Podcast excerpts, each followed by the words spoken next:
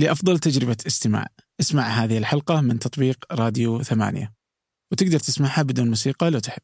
51% من سكان العالم يقول لك إنه بشكل أسبوعي عندي اضطراب نوم يعني اضطرب ساعات النوم حقي بسبب استخدامي للجوال. سألنا آه، المجتمع الدولي كله يعني 30 دولة آه، أيهما تفضل أن تخسر؟ جوالك ولا صديقك؟ طيب. آه، ف 51% يقول لك أفضل أخسر صديقي ولا أخسر الجوال. اي فأنا بالنسبة لي جوالي هو حياتي.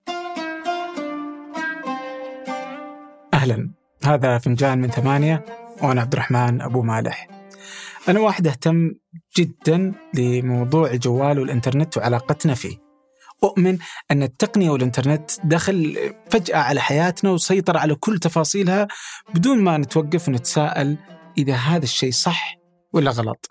هل صح أن الناس تتوقع أنك متصل طول الوقت؟ هل عادي أن الواحد يتصل عليك في أي وقت؟ هل مفترض مديرك يتوقع منك رد على رسالة على الواتساب لأنك متصل في آخر الليل؟ طيب على الجانب الآخر علاقتنا بالأسرة التعارف الأصدقاء التربية والتربية هذه تحتها مليون خط. اليوم الأطفال في كل مكان بالجوال والآيباد. يكاد يكون مستحيل تشوف واحد بدونه.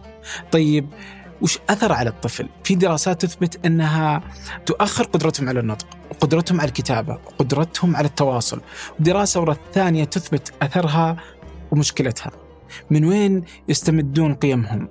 أثرها على الهوية. الدين مليون قضية ومعضلة حكومات سنت قوانين تمنع الألعاب الإلكترونية في أوقات معينة بعضها يعمل على ربطها بالهوية الوطنية لتقنين سن دخول شبكات التواصل أو الألعاب وبعضها صنف الإدمان على الإنترنت كمرض. لكني مؤمن أن القوانين والتشريعات والتغييرات من الشركات أو الأفراد يجب أن تستند على دراسات وأبحاث. وجدت بحثا رائعا من جهة سعودية قامت بدراسة على 30 دولة وأثر الإنترنت عليها. كانت مركز إثراء اللي أطلق مبادرة الاتزان الرقمي سينك. وضيفي في هذه الحلقة الصديق العزيز عبد الله الراشد مدير مركز الملك عبد العزيز العالمي إثراء وهو مؤسس مبادرة سينك ومهتم جدا بمفهوم الاتزان الرقمي وكذلك مفهوم القيادة والإدارة. آه النصف الأول منها مثري ورائع والنصف الآخر أثرى وأمتع. قبل أن نبدأ شاركوني ملاحظاتكم وآرائكم ونقدكم آه، واقترحوا أسماء أو مواضيع تهمكم وتعتقدون أنها تحدث فارقا في حياتكم اليومية على بريد البرنامج فنجان الثمانية دوت كوم أما الآن؟ لنبدأ. يعني أنا أول ما بقول الحلقة عن الإدمان التقني ومدري إيش وكذا بعدين يوم طلعت جوالين. إيه. قلت هذه مصيبة. لا. هذا ترى يساعدني أكش... بقول لك إيه. أتطرق لها. يلا وش؟ أقول لك أنا آه، فاصل العمل تماما عن الخاص. تمام. هذا جوال عمل وواحد جوال خاص. جوال العمل أقصد فيه حتى يعني بعض العلاقات المهمة لي في العمل م. على جوال العمل. وأنا كنت مثلا في العيد آه، في إجازة لمدة أربع أيام فقط أخذت إجازة كذا سريعه آه، جوال العمل ممكن أتركه تماما. فبهذه الطريقة آه، أصير يعني اتصالاتي العائلية تواصل مع الأهل آه، مفصول. فهي بالنسبة لي أداة جيدة لعملية التقنين يعني. آه. لا أجل أيمن زعلان عليك. ها؟ إيه.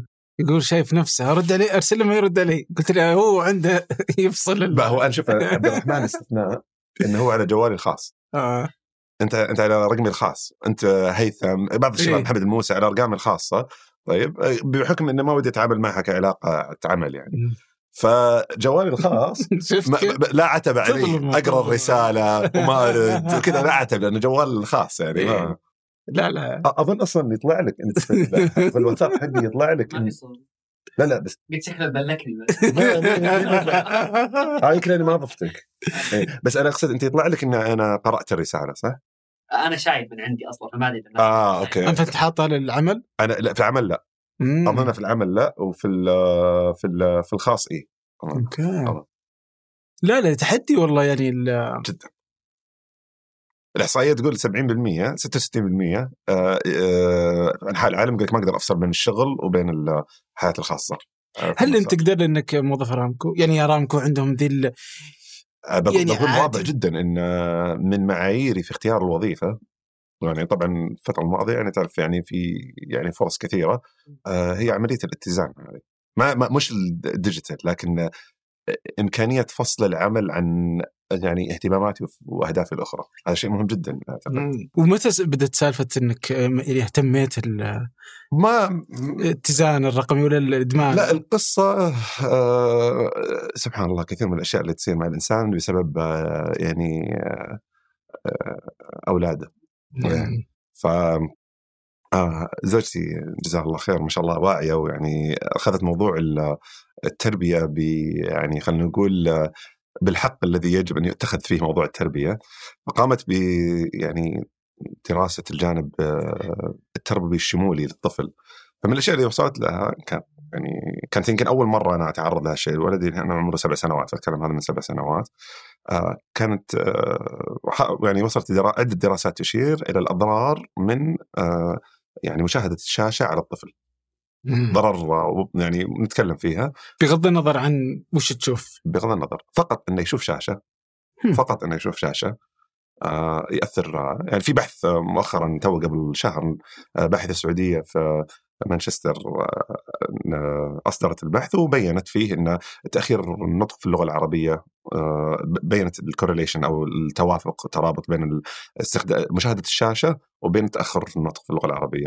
طبعا هذا مستند أيضا على بحث في بحث آخر قائم من الجمعية الأمريكية للأطفال يقول إن كل نصف ساعة يشاهدها الطفل تحت عمر السنتين على الشاشه أي كل نص ساعة تزيد نسبة تأخر في احتمالية التأخر في النطق ب 50% فلو يشوف آه، ساعة ف 100% نسبة الزيادة. تعطل في النطق. فبناء على أشياء زي كذا يعني آه، ودراسة الدماغ والاطلاع عليه وكذا زوجتي يعني وعتني صراحة بشكل كبير عن الموضوع انه ترى مع إبراهيم الله يحفظه يبي لنا نكون جدا آه، يعني حريصين على هذا الجانب.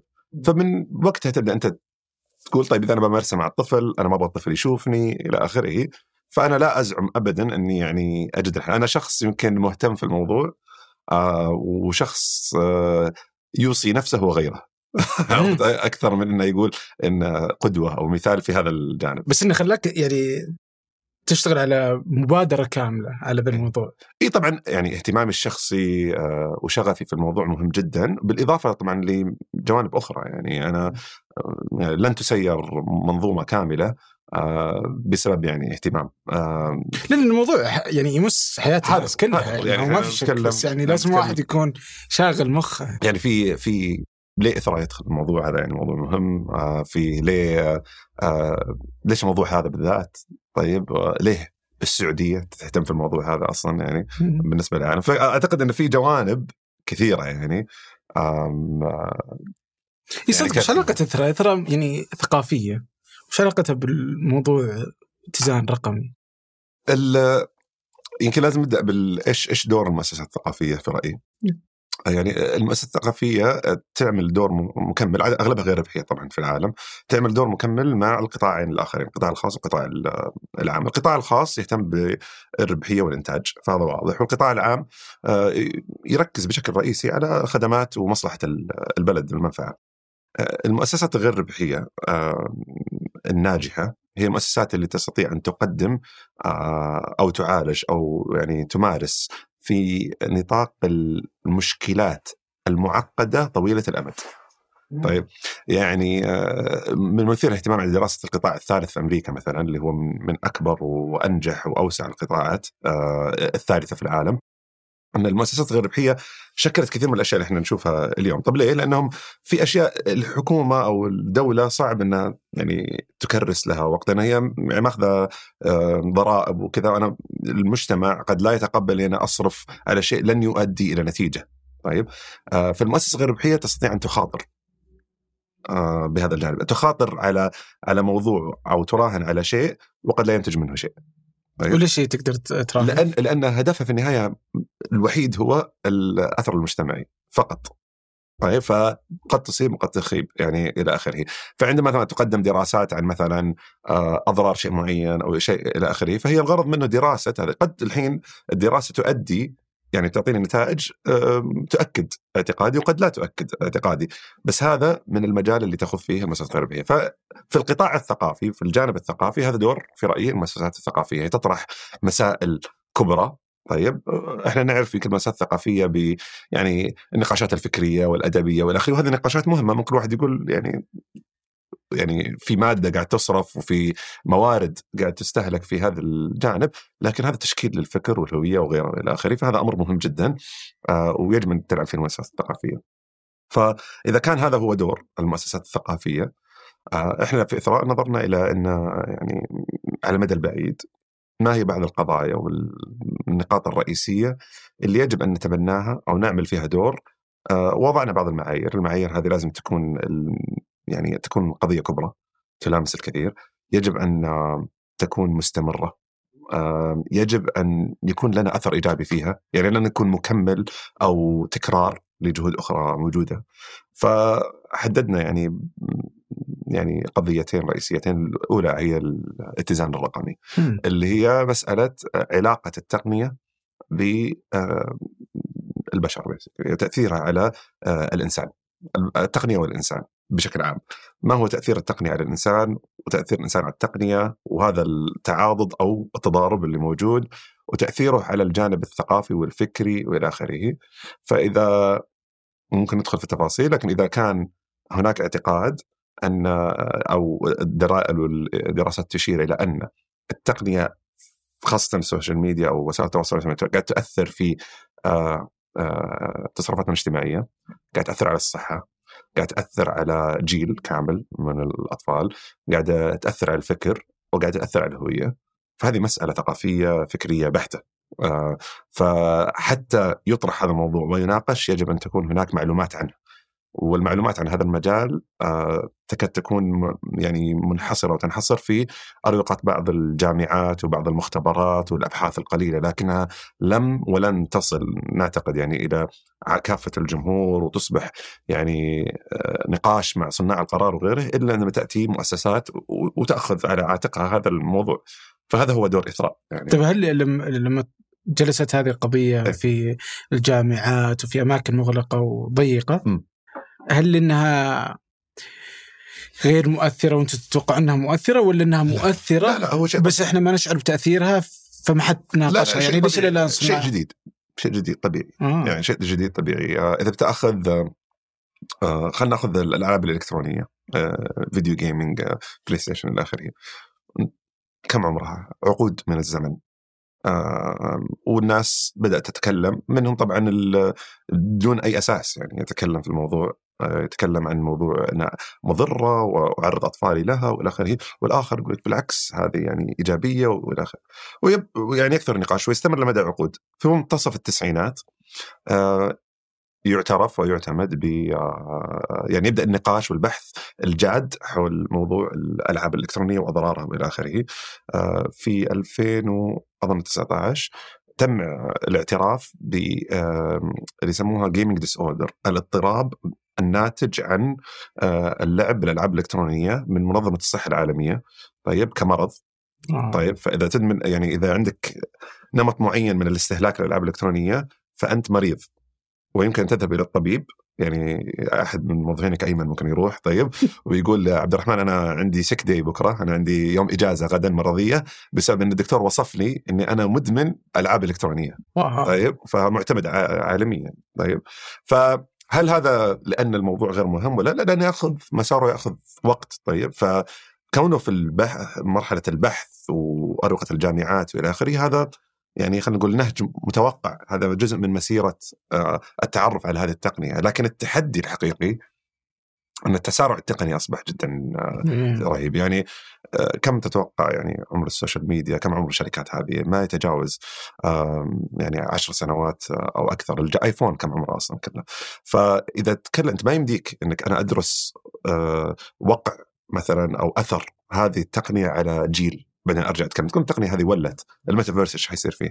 فلهذا كان ضروري يعني يكون في حركة سريعة مواكبة. لا لا رائع. يعني إذا تاخذ تكت... آه، تويتر فهو 2000 يمكن سبعة. خذ تك- فهو قديم. بس تيك توك أيوه. دوبه يعني. أيوه. هو اللي الآن مكتسب مكتسح. وتتوقع كنت أتوقع إنه يعني أنا ما عندي يعني ما عندي التطبيق تيك توك آه في الجوال بس آه فكنت أتوقع إنه حق صغار.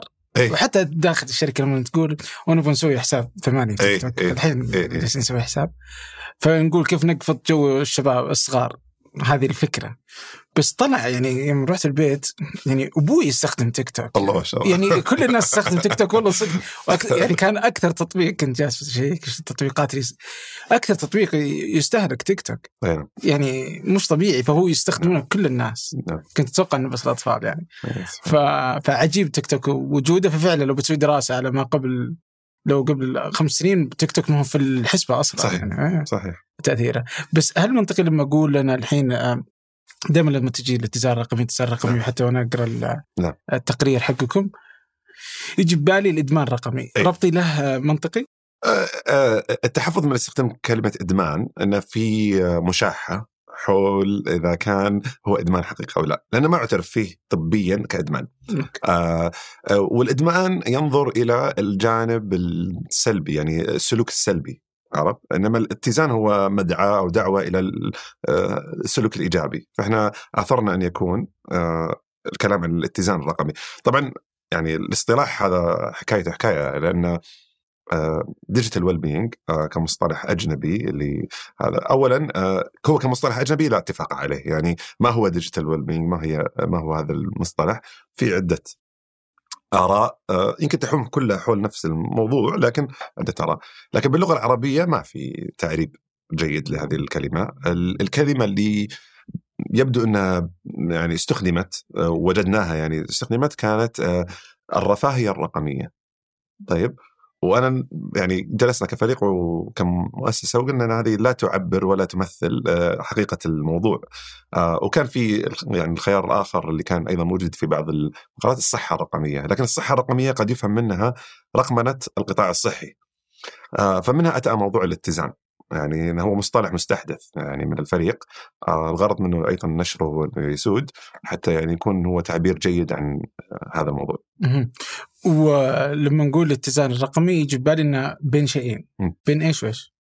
إحنا آه، نعبر عنها إن أن تصبح أنت يعني أن تصبح أنت تتحكم في جهازك ولا يتحكم جهازك بك بكل. بساطة ليش تتوقع إن الجهاز يتحكم فيه؟ أكيد آه، أقدر أثبت لك إن جهازك يتحكم فيك لا لا بشكل آه، يعني أكيد إن الجهاز يتحكم فينا آه، يعني بالطرق اللي تبغاني أشرح لك إياها أقدر أشرح لك إياها يعني بس آه،. مثبت علميا مثبت كل شيء إيه.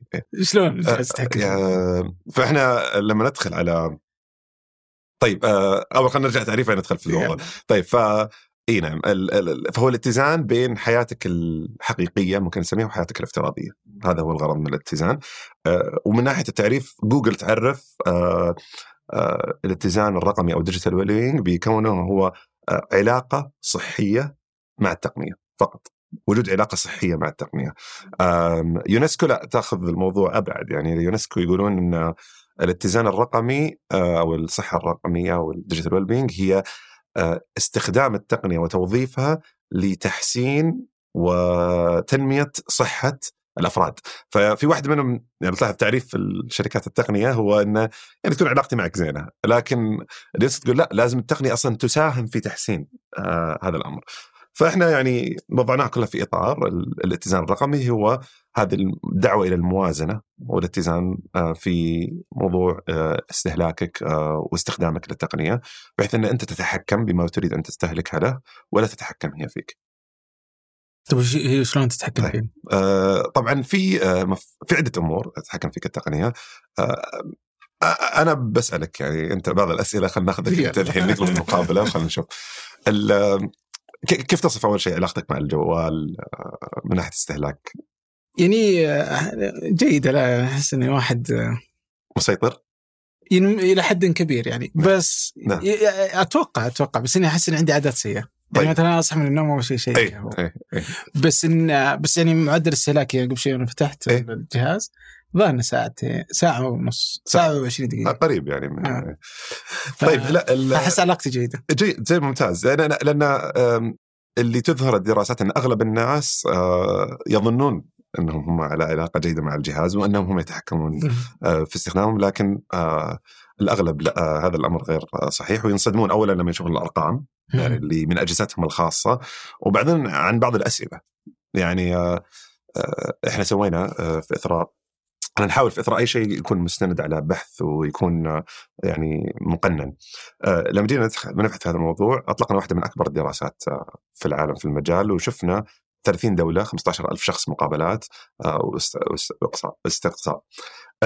واحد من الأسئلة هل تأثر نومك بسبب استخدامك للجهاز؟ الخاص جهازك الخاص. 51% من سكان العالم يقول لك إنه بشكل أسبوعي عندي اضطراب نوم يعني اضطرب ساعات النوم حقي بسبب استخدامي للجوال. طيب طبعا التبعات الصحية من اضطراب النوم معروفة يعني ما ما يبي لها.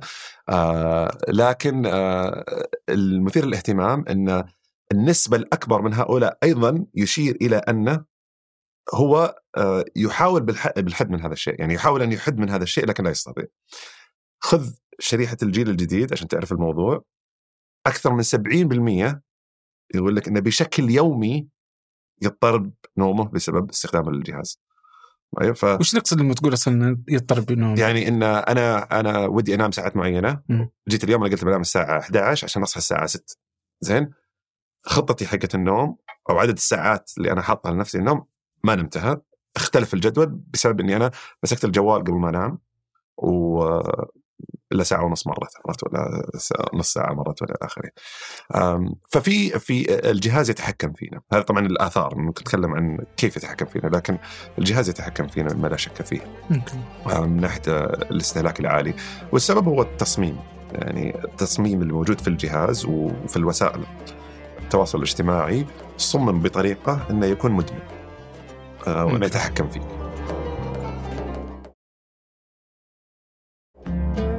طب بس إذا تسمح خلينا يعني هنا في شوية تحديات. قول. طيب. خبرة. يعني آه، يعني مثلا اليوم على النوم يعني مثلا أنا اليوم على النوم إيه؟ أنا أستخدم يعني اليوم التقنية جالسة تفيدني إني أنا أكون أنام أحسن. أنام أحسن. يعني عندي هذه الخاتم. اي رائع. فيقول لي أنا قديش نمت. نعم. دوبي قبل فتحت الجو بس أشوف كم كيف صحيح. كان نومي أمس. صحيح. فأنا نومي صار أفضل لأني أستخدم التقنية. إي أنا لا لا يناقض أي شيء إحنا نقول أنا أنا لا يفهم من موضوع الاتزان الرقمي الغرض منه هو معاداة التقنية. هذا أعتقد اولا أمر ساذج يعني. آه والأمر الثاني غير ممكن. طيب. والثالث أصلا ما هو صحي يعني, يعني ما هو جيد. لكن آه إحنا نتكلم عن الاتزان مرة أخرى. ف نرجع للتعريف أو يعني خلينا نقول الطموح اللي عندنا، أنت تتحكم أنت بالجهاز، أنت قاعد تستخدمه بالطريقة اللي أنت تريد أن تستخدمه فيها، تريد أن تشاهد عدد معين من الساعات، شاهد فيه العدد معين من الساعات اللي تريد أن تشاهده فيها، لكن كيف يمكن يكون هذا المحتوى آمن وصحيح وإلى آخره وإلى آخره، وتستطيع أن تتوقف متى ما تريد أن تتوقف، وليس يعني يعني ما يكون حسب ظنك أنت. يعني حقيقة أنت ماذا تريد؟ لأن الجهاز قاعد يتحكم فيك ويرسل لك مؤشرات و... ويلعب في تركيبتك الكيميائية الداخلية بطريقة معينة عن طريق الإفرازات اللي في الدماغ وغيرها حتى آه، يغير من تصرفاتك. هذه مثبتة ولا؟ اي مثبتة. إنه إيش يسوي في دماغ. يعني طيب آه، آه، ندخل ندخل على مفهوم الآن اسمه persuasive design اللي هو التصميم بالعربي اسمه التصميم المقنع يعني okay. اللي يقنعك التصميم طيب بس هو طبعا ما في عملية إقناع لأنه ما في مجادلة بينك وبينه نسميه الخادع اي ممكن الخادع ممكن نسميه القاهر طيب قاهر. طيب فال persuasive design هي هي دراسة هي هي مدرسة تصميم مثل ما في مدارس تصميم minimalism وغيرها إلى آخره ممارسات في التصميم التقني. آه، يبدو يعني أنها ظهرت مع بروفيسور اسمه بي جي فوغ في ستانفورد آه، في أظن التسعينات ولا حاجة زي كذا. وهو مأسس وضع القوانين انه كيف ممكن تصمم الشيء بحيث أنا أؤثر في تصرفات الأشخاص. كيف يمكن أن أصرف آه، أصمم التقنية تصميم تقني آه، من ناحية UI UX اللي هي الواجهة وتجربة المستخدم. طيب بحيث إني أنا أتحكم في تصرفات الأشخاص. هذا هو الغرض من هذا. وعنده يعني في جامعة ستانفورد آه، مختبر كامل يعني جزء من كلية لهذا الموضوع. فهو من وضع الأسس لهذا الأمر أو من أوائل من وضع الأسس لهذا الأمر. ف من هو بين يعني وغيره يعني الممارسات اللي كثير من الشركات الكبرى في التقنية اليوم فيسبوك تويتر إلى آخره آه، يستخدمونها في هذا الأمر. فنأخذ بعضها آه، خلينا نأخذ آه، موضوع الإشعارات. آه، أسهل شيء الإشعارات. موضوع التنبيه. أنت قد اليوم تقولي هذه يعني متعود عليها. ما هو طبيعي ترى انه يجيك تنبيه؟ طيب يعني الطبيعي انه في تطبيق تبغى تدخله ما تبغى تدخله لا تدخله طيب. بس إنه يجيني إشعار سواء على الشاشة أو رقم دائرة حمراء ويجيك هذا هذا تصميم. وهو يلعب على جانب يعني كلها طبعا آه، تستخدم نقاط ضعف في الإنسان. يعني ضعف آه، في خلينا نقول آه، إرادة الإنسان. طيب. وأشياء في تكوين الإنسان. يعني الله سبحانه وتعالى يعني وضعها في الإنسان لبقاء الإنسان وخدمته. فالإنسان طبيعي يحتاج أن ينبه عندما يكون هناك في شيء. ليلتفت له أمه تناديه هو يعني كان بدائي وكان آه، يعني يحتاج إلى تنبيه الآن يجيك التنبيه ترى على جهاز فهو استخدم نفس هذا الشيء الموجود عشان مثلا الأمر ال- الآخر الإعجاب لايك.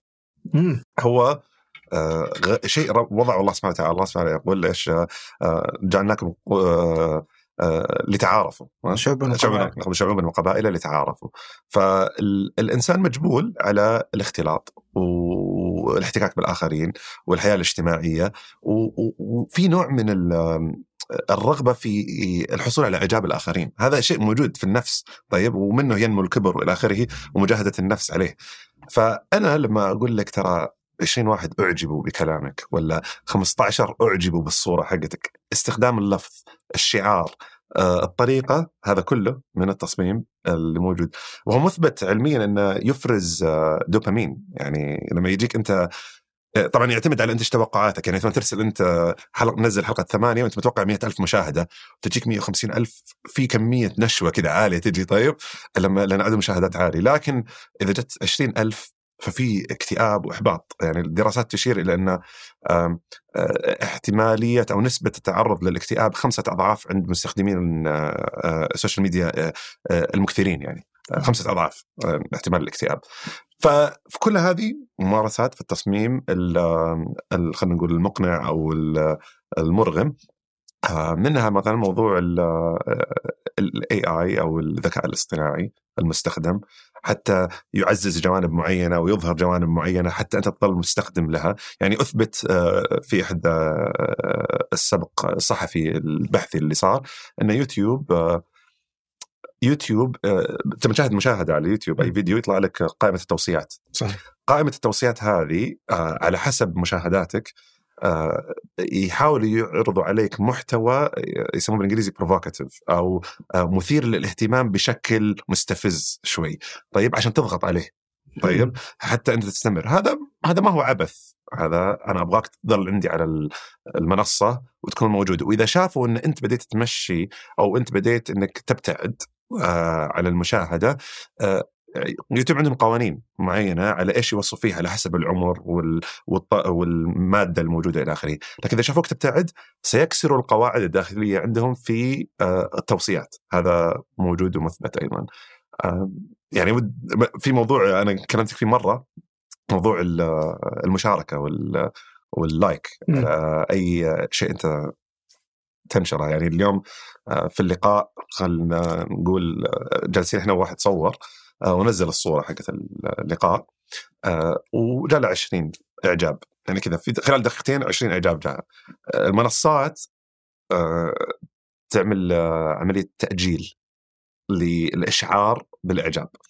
آه الغرض منه إن أنا إذا 20 شخص أعجبوا وأنا قلت لك ترى 20 شخص أعجبوا بي هذا أنت بتدخل الجهاز مرة واحدة وبتشوف الصورة.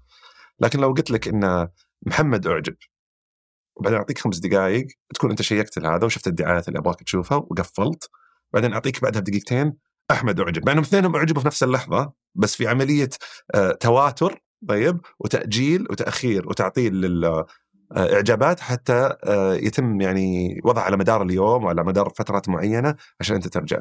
فلما أقول لك الجهاز يتحكم فيك هو يتحكم فيك يعني مما لا شك فيه إنه يتحكم فيك.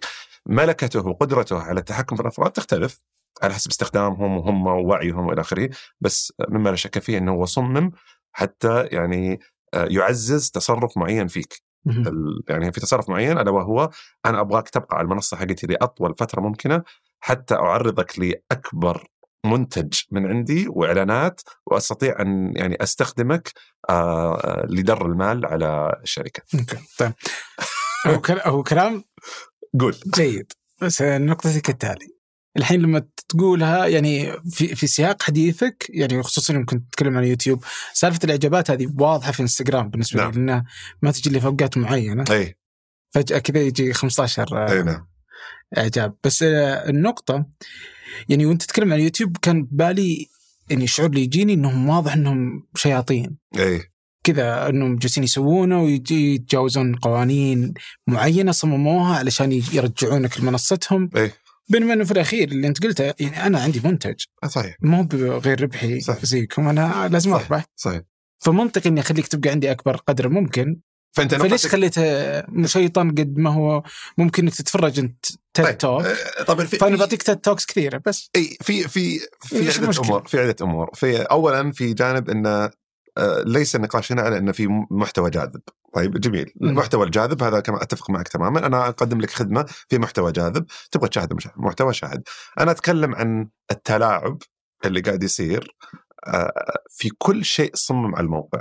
لون الزر مكانه آه، طريقته. لما تضغط عليه شيء يصير بالضبط الأنيميشن اللي يصير. كل شيء تم دراسته حتى تبقى أنت لاطول فترة ممكنة، يعني إذا الإنسان الطبيعي الصحي المفروض يستخدم لفترة معينة أو يكتفي بعد محاضرة معينة، أنا قاعد بطريقة ما أرغمك أو أحفزك بشكل كبير وأنت غير واعي طيب على استخدام أكثر من هذا، هذا الجانب الأول طيب هذا نعم.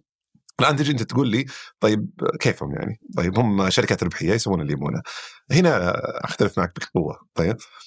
طبعا الحديث عن التقنية هنا هو يعني ممكن ينطبق على أي تقنية على. مر العصور البشرية. يعني لما اتكلم أنا الحين عبد الله الراشد جالس ويتكلم عن يعني مساوئ التقنية وأضرارها وضرورة الحد منها وإنه يكون كذا، هذا الكلام قيل عن الطابعة في فترة من الفترات وقيل عن آه، التلفزيون وقيل عن غيره. آه، أعتقد إن هنا في اختلافات في هذه الحالة عن. الأمور السابقة وفي أشياء متشابهة يعني خلينا ناخذ بعض الاختلافات اولا آه هنا في تعارض قوي جدا بين الممارسة اللي تبغاك الشركة تسويها وبين آه ما هو جيد لك. طيب آه بشرحها يعني. آه الطابعة قد يكون في منها مخاوف معينه إنها قد تؤدي إلى يعني مثلا تخفيض مستوى الذاكرة، تقليل المعرفة إلى آخره إلى آخره إلى آخره، قد لك لكن ممكن ما يربط الموضوع بشكل مباشر. طيب مع صحتي أنا وإلى آخره كفرد، يعني صح. شيء يمس كياني ال- الحقيقي. السيارة الغرض منها أنا برجع مثال السيارة، السيارة تقنية آه، غرض منها توصلك من الألف إلى الياء. طيب فممكن يكون في تخوف منها وتؤدي إلى بطالة لكن لا تمس شيء أساسي موجود. فأنا أعتقد لأن هذه التقنية تمس الفكر والهوية وبسبب انتشارها السريع جدا وبسبب إن عدم وجود تقريبا أي نوع من الرقابة عليها مم. وهذا اللي أنا بالنسبة لي تشترك فيه مع التقنيات الأخرى. التقنيات الأخرى إذا واحد جاء بيحج يعني يحتج إنه يقول هي مثل مثل التقنيات الأخرى ونقطتك الاولى أنا لا, لا أتفق معها. أقول كل التقنيات قنيت وضعت لها قوانين كلها.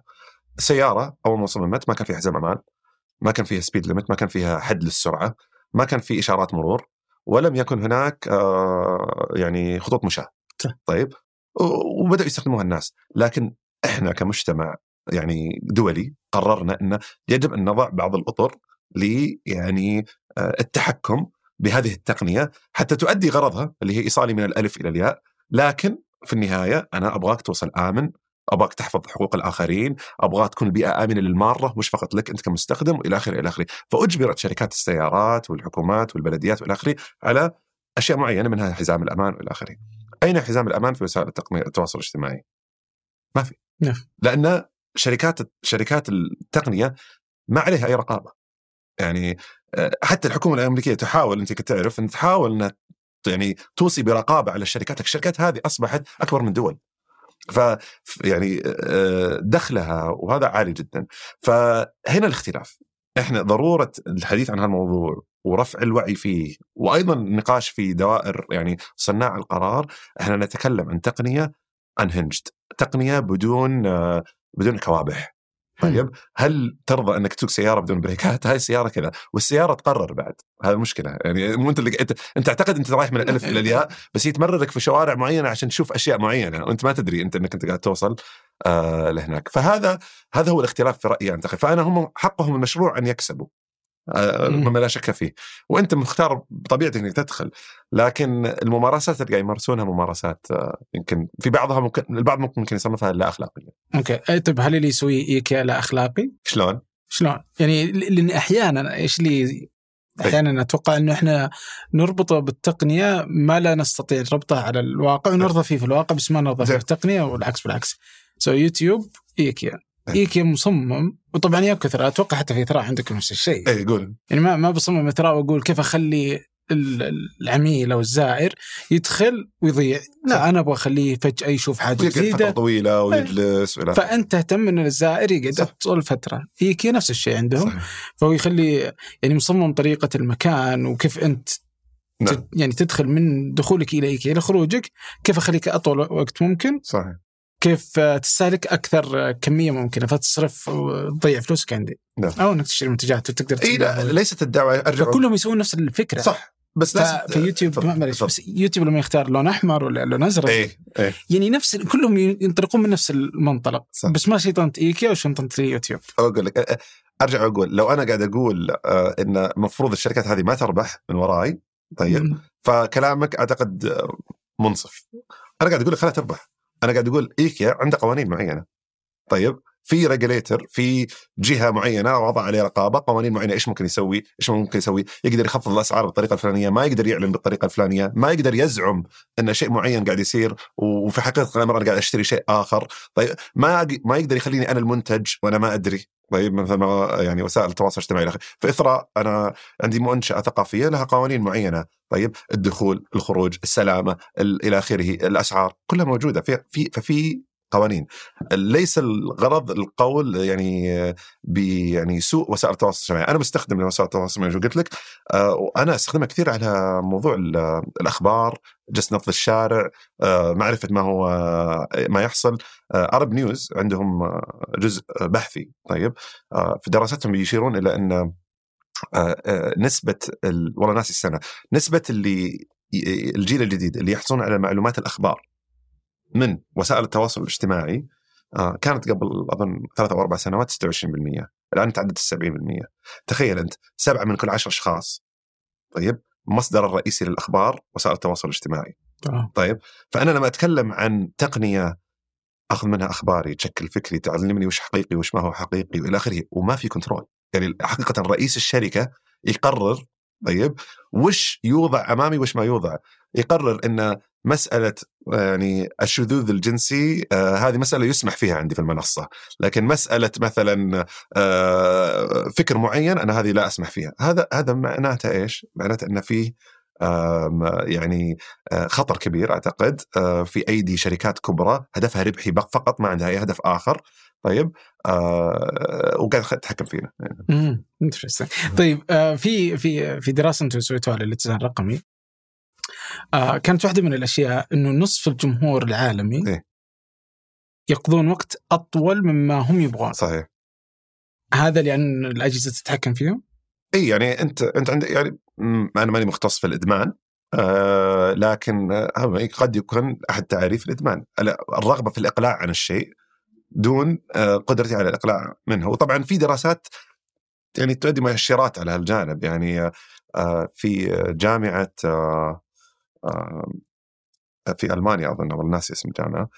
في جامعة أثبتت إن ال- الممارسات عذرا السيمتومز الأعراض التي تنتج عن الاستخدام الكثير لوسائل التواصل الاجتماعي مطابق للادمان على المخدرات.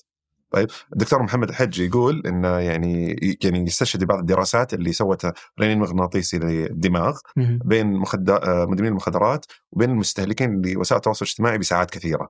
طيب ويقولوا إن الخرائط الموجودة في الدماغ طيب والخطوط وال patterns الأنماط هي مطابقة مشابهة جدا.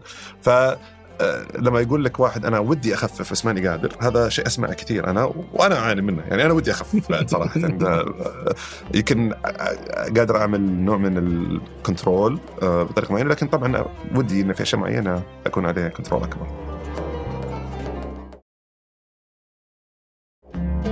خلينا نفترض هل هل إحنا اليوم دخلنا الإنترنت بسرعة. وما قدرنا نستخدمها وفق تعريفاتنا في الحياة الحقيقية والطبيعية. إيش قصدك؟ فمثلا في الحياة الطبيعية متوقع غير متوقع. أنت ما تتوقعني إني موجود طول الوقت. أي أي. ممكن تجي البيت وما تلقاني. فهمت آه، ممكن آه، إذا ما إذا أنا طلعت من الدوام انتهت السالفه نعم. ما يمديك توصلني. فأنا غير متاح. نعم. بينما يوم جت الإنترنت بهذه السرعة صرت تتوقع إني متاح طول الوقت. نعم. أوكي؟ فإحنا توقعاتنا من الإنترنت والحياة الطبيعية غير متوافقة إيه. هذا وارد نعم. أو ممكن إنه آه إنه حياتنا كانت سيئة إيه وإنه الإنترنت خلاها أحسن نعم. فأنا بدال ما أكون أصلا كان في وقت من الأوقات أنا إذا طلعت برا البيت أهلي ما يقدرون يعرفون أنا وش صاير فيني نعم. بينما أنا صرت على تواصل طول الوقت معاهم بدال ما تعارفي على الناس فقط إني لازم أقابل عبد. الله أنا صرت أعرف عبد الله وهو في الشرقية وأعرف شخباره وأقدر أعرف آه محمد وهو متكي في أمريكا وأقدر أعرف صحيح. الناس من كل مكان في العالم وأنا جالس في غرفتي فهو رفع من قيمة التواصل الاجتماعي رفع من قدرتنا على الصداقات صرت أعرف مشاعرك وأنا قاعد في البيت بينما إنه الناس تتوقع إنه لازم الحياة تكون إنك تجيني البيت إيه. وأسألك وأنت تجلس تقول والله أنا نعم. صار لي خلال الفترة الماضية أعتقد الجواب هو إن اثنينهم صحيح وجوابي الغير مرضي لك هو إن أعتقد إنها مسألة شخصية. يعني أنا آه، إذا اخترنا الخيار الأول وقلنا انه يعني يجب أن نعود إلى الحياة القديمة الواقعية طيب كلم واحد خلينا نقول بعيد عن أهله طيب ويحتاج يتواصل معهم وقول له لا تستخدم تقنية هل هناك ضرر ولا لا؟ بالمقابل آه، خذ شخص جالس مع أهله في الطاولة بس قاعد على الجوال. طيب فيعني أنا أعتقد أن لهذا مسألة الاتزان الرقمي مسألة يعني شخصية إطار معين أنت تضعه لنفسك هي زي الحمية. طيب آه أنا ما أقدر أقول لك يعني في أشياء معينة متعارف عليها لا تأكل كثير من كذا لا, لا تفعل كذا اذهب ومارس كذا خلي عندك موازنة بين كمية السعرات الحرارية وإلى آخره وفي أطر عامة. آه هل الكل لازم يروح إلى الجيم ثمان ساعات ولا؟ كل واحد من عنده ممارسات معينة على حسب جسمه طبيعته البيولوجية وما يستطيع أن يتحمله ظروفه الأخرى بحيث إنه يوظف آه هذا الشيء بحيث إنه يعني يصبح أك... على صحة أكبر، صحة ما أتكلم بس صحة بيولوجية إنما صحة اجتماعية يعني كذلك يعني. صحة. اجتماعية يعني أنا طبيعة علاقتي مع الأفراد آه ومدى يعني تغلغل التقنية فيها أو لا. المفروض يكون قرار آه مدروس آه واعي طيب وأستطيع أتحكم فيه. طيب ال- اليوم يعني فيه مسألة التصميم. إيه. أنت عرجت عليها قبل شوي إيه. حتى باستفاضه بس هي أنه اليوم التصميم هو اللي يخلي الناس تدمن وتبقى على الإنترنت جزء من نعم. جزء من المشكلة. نعم. جزء. كبير من المشكلة. بس يعني إذا جيت أتذكر يعني من دخلت الإنترنت يعني دخلت يمكن بداية الألفية. إيه إيه. يعني صدق من يوم عرفت الإنترنت وأنا صرت أقضي وقت طويل على الإنترنت. وما أتوقع المنتديات. والمواقع كانت مصممة بهذا الجودة يعني. إيه إيه. فهو إنه فعلا إنك تجد نفسك هناك يعني تجد جزء آخر من الحياة بشكل افتراضي وإنه لا يعني إنه افتراضي إنه يعني سيء. لا أكيد. ويعني مثل السيارة أرجع أقول استخدامي للسيارة ليست لأنها مدمنة. طيب استخدام السيارة لأنها تعود بمنفعة علي. الإنترنت يعود بمنفعة علي. وسائل التواصل الاجتماعي تعود بمنفعة علي. يمكن هذا نواة آه يعني أي بداية آه للشيء لكن اللي أعتقد المختلف إحنا نتكلم عنه ان أنت بتستخدم ويكيبيديا اللي هو يعني بالنسبة لي يعني يمكن أبسط آه تصميم. طيب يعني ما في أي شيء ما في أي ما في أي حركات صح. ويكيبيديا. كيف تستخدم ويكيبيديا؟ إذا أبغى شغلة أدور عليها صح. ألاقيها وأستخدمها وأطلع. ما في ما في لا دعايات لا في أي شيء محفز ما في أي شيء يخليني أنتقل من الموضوع لهذاك الموضوع إلا آه، شغفي بالمعرفة فقط. وهذا شيء يعني آه، ذاتي موجود في المكتبة موجود في أي شيء آخر. وسائل التواصل الاجتماعي لا هل أنت مهتم بفيديوهات القطط يعني يعني عشان تشوفها أنها تكون موجودة ولا أنت مهتم بشاب سنغالي قفز من بيطلع لك هذه الأشياء الغريبة اللي تبدأ أنت تتابعها لأن الغرض اني أبغاك تكون كم- موجود. اي فعلا يعني ويكيبيديا ما عمري يعني بالعادة أروح إيه. أحصل على ال- المعلومة اللي أنا أبغاها وأطلع طب نعم. آه. بس برضو في نفس الوقت تصدق يعني غير منطقي لو أنا في ويكيبيديا اني بقول والله أنا مبسوط شلون؟ لا ويكيبيديا مؤسسه غير ربحيه طبعا. إيه. فقصدي لو أنا ويكيبيديا ومؤسسه ربحيه أنا أبغى أخليك تقعد عندي يمكن أكيد أكيد. بس م- تحدي والله. والله إيه، تحدي إيه. تحدي كبير. لا لا, لا التوازن بينها صعب. الاتزان مو بس- مو بسهل. آه، في أتذكر آه، مرة آه، نيل جيمان. فكان يقول هو يعني في طريقته في الكتابة إيه. فكان يقول إن يعني كان يعاني من مسألة التشتت وإن التشتت هي المسألة الأساسية. إيه. أوكي؟ كان يقول اذا جيت أنا بكتب أنا أقعد على طاولة ما فيها ولا شيء فيها بس الجهاز وأقول أنا هنا بس أكتب. أنا عندي أربع ساعات إما إني أكتب أو إني بسوي ولا شيء. نعم. فأنا بجبر نفسي للكتابة. نعم. لاحظ وش السلوك اللي هو يسويه؟ لأنه يدري إنه أي شيء يشتته نعم نعم. آه في برضو الآخر آه نير إيل. مم. وهو يعني واحد اللي كان عنده كتاب Hooked بعدين نعم. سوى كتابه الآخر Indistractable و... وكانت في فكرة الكتاب الآخر أن الإنسان يعني يحط اللوم على التقنية مم. مثل ما انت جالس تسوي إيه. بينما هو في الأساس هو المشكلة نعم. فالمشكلة داخلية ما بخارجية نعم. مشكلة أصلا أنت لما تقول التنبيهات تشتتني تشتتني من إيش أصلا فاصلا بالعادة تلقى ما في شيء يعني أنا ما عندي شيء يشتتني منه و... نعم.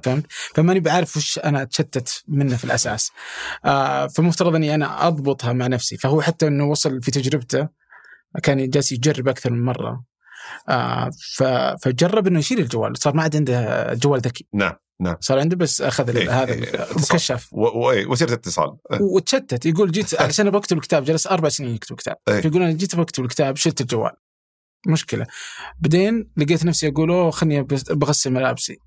أوه خلني أرتب الكتب المكتبة من زمان ما رتبتها. أي. فالإنسان قادر على إنه يشتت نفسه بنفسه نعم. و- واللوم على يوتيوب وغيرها إيه، طيب عدة نقاط يعني جيدة وعندي تعليق عليها. طيب اولا اولا مسألة الغفلة اللي أنت ذكرتها أنا أتفق معك تماما. طبعا هذا اولا في تعاليمنا الإسلامية الله سبحانه وتعالى يعني يبين هذا الأمر أكثر يعني أكثرهم غافلون.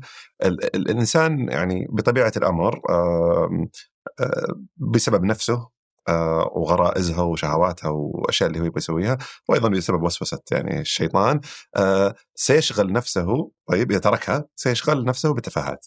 طيب. آه وهذا أي شيء يؤدي إلى نتيجة فثق تماما أن هناك قوة معينة آه موجودة لمحاولة يعني إبعادك أو إشغالك عن هذا الموضوع. طيب. آه ونجي على الموضوع الثاني وهو مرتبط فيه بالضبط اللي هو موضوع التركيز. طيب فالتركيز والتشتت أو الغفلة والانشغال. لأن الغفلة آه هي المسألة اللي أنت ذكرتها بالضبط. هي مسألة انه أنا أصلا لو حتى ما في تقنية أنا غير منتج يعني. أنا بشغل نفسي هنا بسوي هنا ب- ب- غسيل صحون مدري وشو بروح أقابل شاب بقعد معاهم ست ساعات في في القهوة إلى آخره. هذه الأمور. هذا كله جزء من موضوع يعني أكبر موضوع موضوع الهدف عند الشخص موضوع موضوع رسالة الإنسان قيمه إلى آخره ممكن ندخل فيها. لكن نجي على موضوع التركيز. وهو أيضا مستند على يعني تعاليم إسلامية كبرى يعني موضوع الخلوة والتفكر والتدبر مدعاة كبيرة في الدين. وهي بالعكس هي أصلا المدخل الرئيسي للتعرف على الله سبحانه وتعالى وعلى حقيقة الإنسان ومكانه في المكان في الوجود. آه آه، في عدة عوامل طيب اللي تحول بين هذا الأمر طيب آه فأنا باخذ بس جانب التقنية لأنه هو موضوع الحديث. فجانب جانب التقنية آه مايكروسوفت سوت دراسة عجيبة. آه يقول لك طبعا في في الإنجليزي في مثال مثل آه، يضرب آه، اللي هو memory of goldfish طيب اللي هو إنه آه، يعني إنه لما يكون إنسان ضعيف الذاكرة جدا في يعني يضرب به المثل بالسمكه الذهبية هذه اللي تحفظ آه، كحيوان أليف في البيوت وإن لأن ذاكرتها تسع تسع ثواني طيب فإن اللي ما عنده ذاكرة ترى ذاكرتك مثل ذاكرة السمكة هذه. آه، مايكروسوفت آه، ذاك آه، دراستها الأخيرة تشير على إن الجيل الجديد آه، المستخدم للتقنية آه، وسائل التواصل الاجتماعي والإنترنت أصبح فترة التركيز حقتها ثمان ثواني. طيب؟ آه. أقل من آه، السمك. الجولد فيش أقل من السمكة الذهبية. طيب طبعا تبعات هذا الأمر يعني مهولة جدا. طيب وهو طبعا ملموس. يعني أنت كصانع محتوى يمكن انت من آه، فنجان من المحتوى النادر الطويل اللي له قبول. يعني هو الاستثناء بلا شك. آه، إنما أغلب المحتوى ينتقل من كونه آه، ساعة إلى نصف ساعة إلى عشر دقائق إلى خمس دقائق إلى دقيقتين إلى 30 ثانية إلى 10 ثواني تيك توك. يعني المحتوى قاعد لأنه ما في تركيز أنا أبغى اللي بعده آه، على طول. فالموضوع التشتت هو مسألة ليس يعني السبب وراءها فقط التقنية. لكن التقنية لها دور كبير في يعني تضخم المش- المشكلة ووجودها والتعليق الآخر كان على شيء ذكرت أنت إني أنا يعني حاب أقول إنه كأن يعني لا يفهم رسالتي إن شركات التقنية هي العدو. طيب؟ آه، أنا أعتقد إن شركات التقنية هي جزء كبير من المشكلة. جزء منها أنت. يعني يجب أن تحمل على عاتقك مسؤولية معينة وندخل في تفاصيل كيف ممكن الإنسان يعني يمارس ممارسات إيجابية. وأيضا جزء منها آه، الجهات الرقابية. فالثلاثة ذول لازم يت... يعني الثلاثة تكون موجودة أنا في قوانين رقابية على التدخين وفي قوانين على شركات التدخين يعني في ممارسات من شركات التدخين وفي أنا كوني أنا أبغى أخفف وأقلع و... صحيح آه. طيب آه على أنت إيه يعني اتذكر شفت فيديو إيه. آه برضو الفوكس إيه. فكانوا حاطين كيف إنه التصميم إيه. آه يؤثر في سلوكك. كانت واحدة من الحلول إنهم آه، يعني في في الإعدادات الخاصة في الآيفون. أيوه. ظهر إنك تقدر تخلي ال- الجهاز تشيل الألوان حقته. يصير أبيض اسود جربتها كم يوم يعني كئيبة والله. يعني صحيح انه بيخلي الجوال كئيب هذه الفكرة. صحيح. بس برضه أنا أبغى أشوف الألوان يعني مش منطقي. فوش الأشياء اللي أنت تسويها تخلي الجو يعني آه، اولا استخدامك جيد أبدأ ان يعني أنا لا أعتقد ابدا إني يعني مثال يحتذى به في الموضوع هذا، أنا أعتقد إني شخص يحاول يعني حقيقة وهذا ليس يعني فقط يعني من باب إنه يعني التواضع لأن حقيقة ممارساتي لا أعتقد إنها مثالية يعني هذا الأمر الأول. آه، فأنا بح- بحاول أستقي من يعني ما سمعته من الاخرين آه، واللي أعتقد إنه بعضه جيد. اولا في آه، في بحث آه، جيد يتكلم عن الإقلاع مقابل التقنين. طيب أيهما أفضل وأجدى؟ آه، والدراسة تشير على أن التقنين أفضل.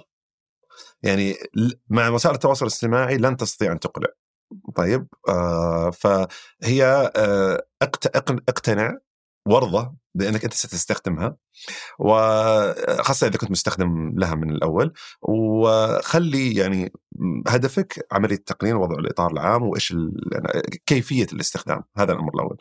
الأمر الثاني في يعني كل واحد كل واحد عنده طريقة بس في عجبني شيء يعني ذكر إنه إذا استطعت أن تبتعد عن الجوال بين آه ثلاثة اسس اللي يسموها آه socializing and sleeping فإذا استطعت أن تمتنع عن الجوال خلال علاقاتك الاجتماعية أنت قاعد تاكل قاعد تسولف مع واحد إلى آخره ما ترفع الجوال. وخلال وقت الدراسة أو العمل studying وخلال وقت النوم فأنت أنت مسيطر. يعني بكل بساطة. طيب استخدم في الاوقات الأخرى أوقات فراغ قاعد لحالك بس إنه هذا يعتبر إطار معين.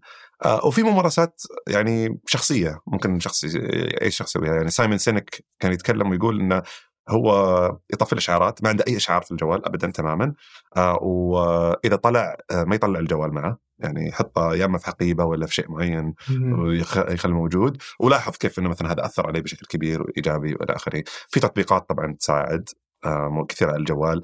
في في بعض الخواص في آه آه التطبيقات الاجتماعية نفسها. يعني تويتر وفيسبوك عندهم بعض الخاصيات تساعدك في التقنين أيضا كذلك. مدى جدواها وكذا كل واحد على حسب أعتقد ممارساته ووجوده وش اللي فاتك أنت أكثرهم؟ آه آه أنا شخصيا آه، يعني أحاول أضع قوانين معينة ذاتية يعني آم، يعني أحاول إني ما آه، أشاهد عدد كبير متتالي. هذا مثلا قانون.